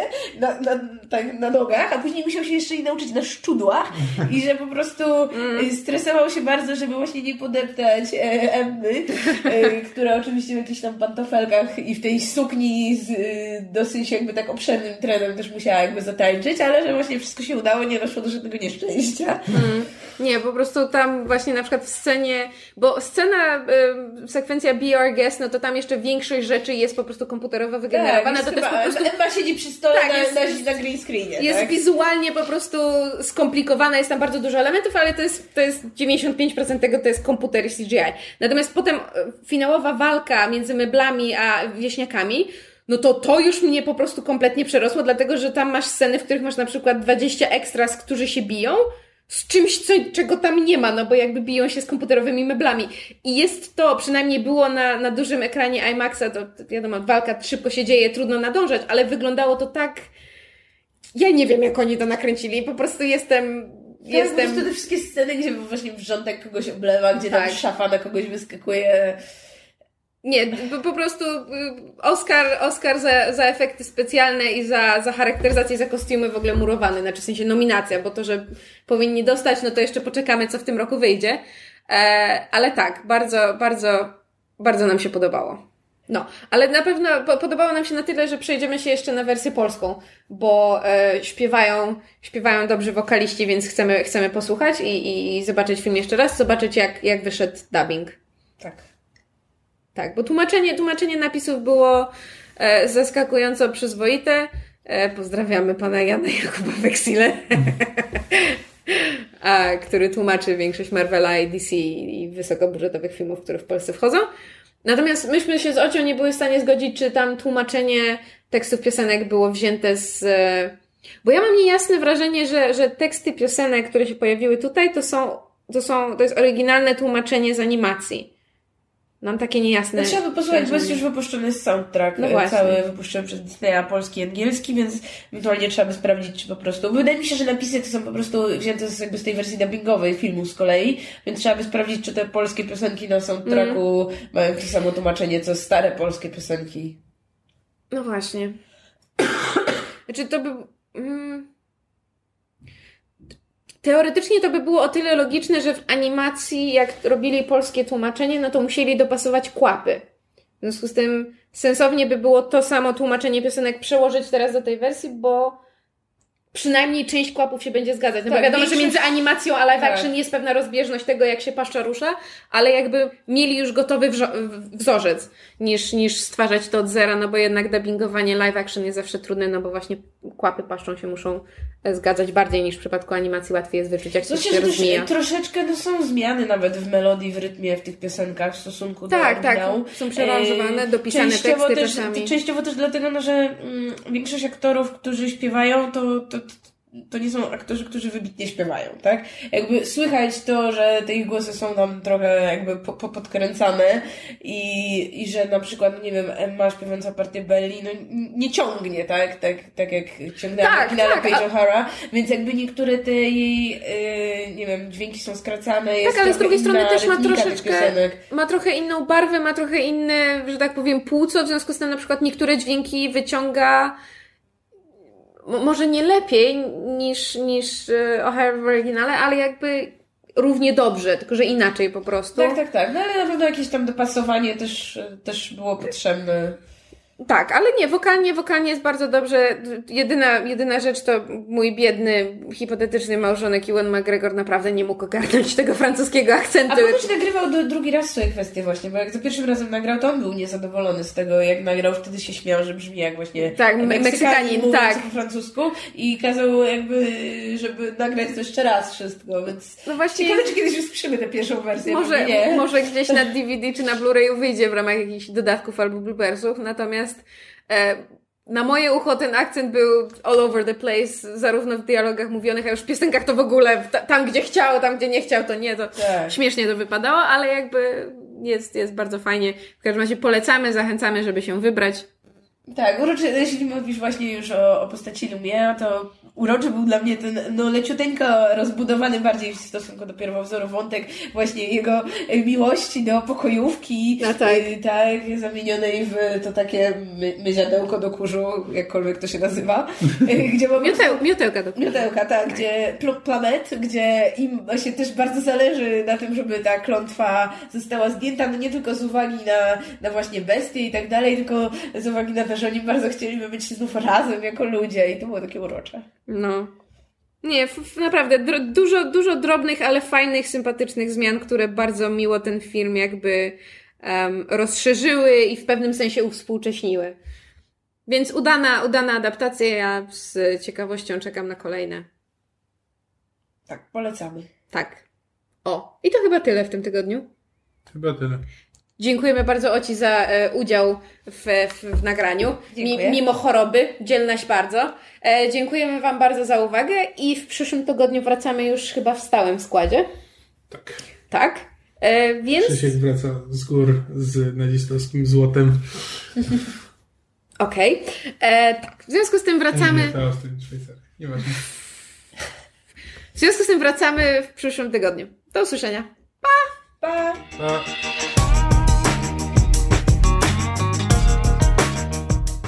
Słuchaliście podcastu Myszmasz.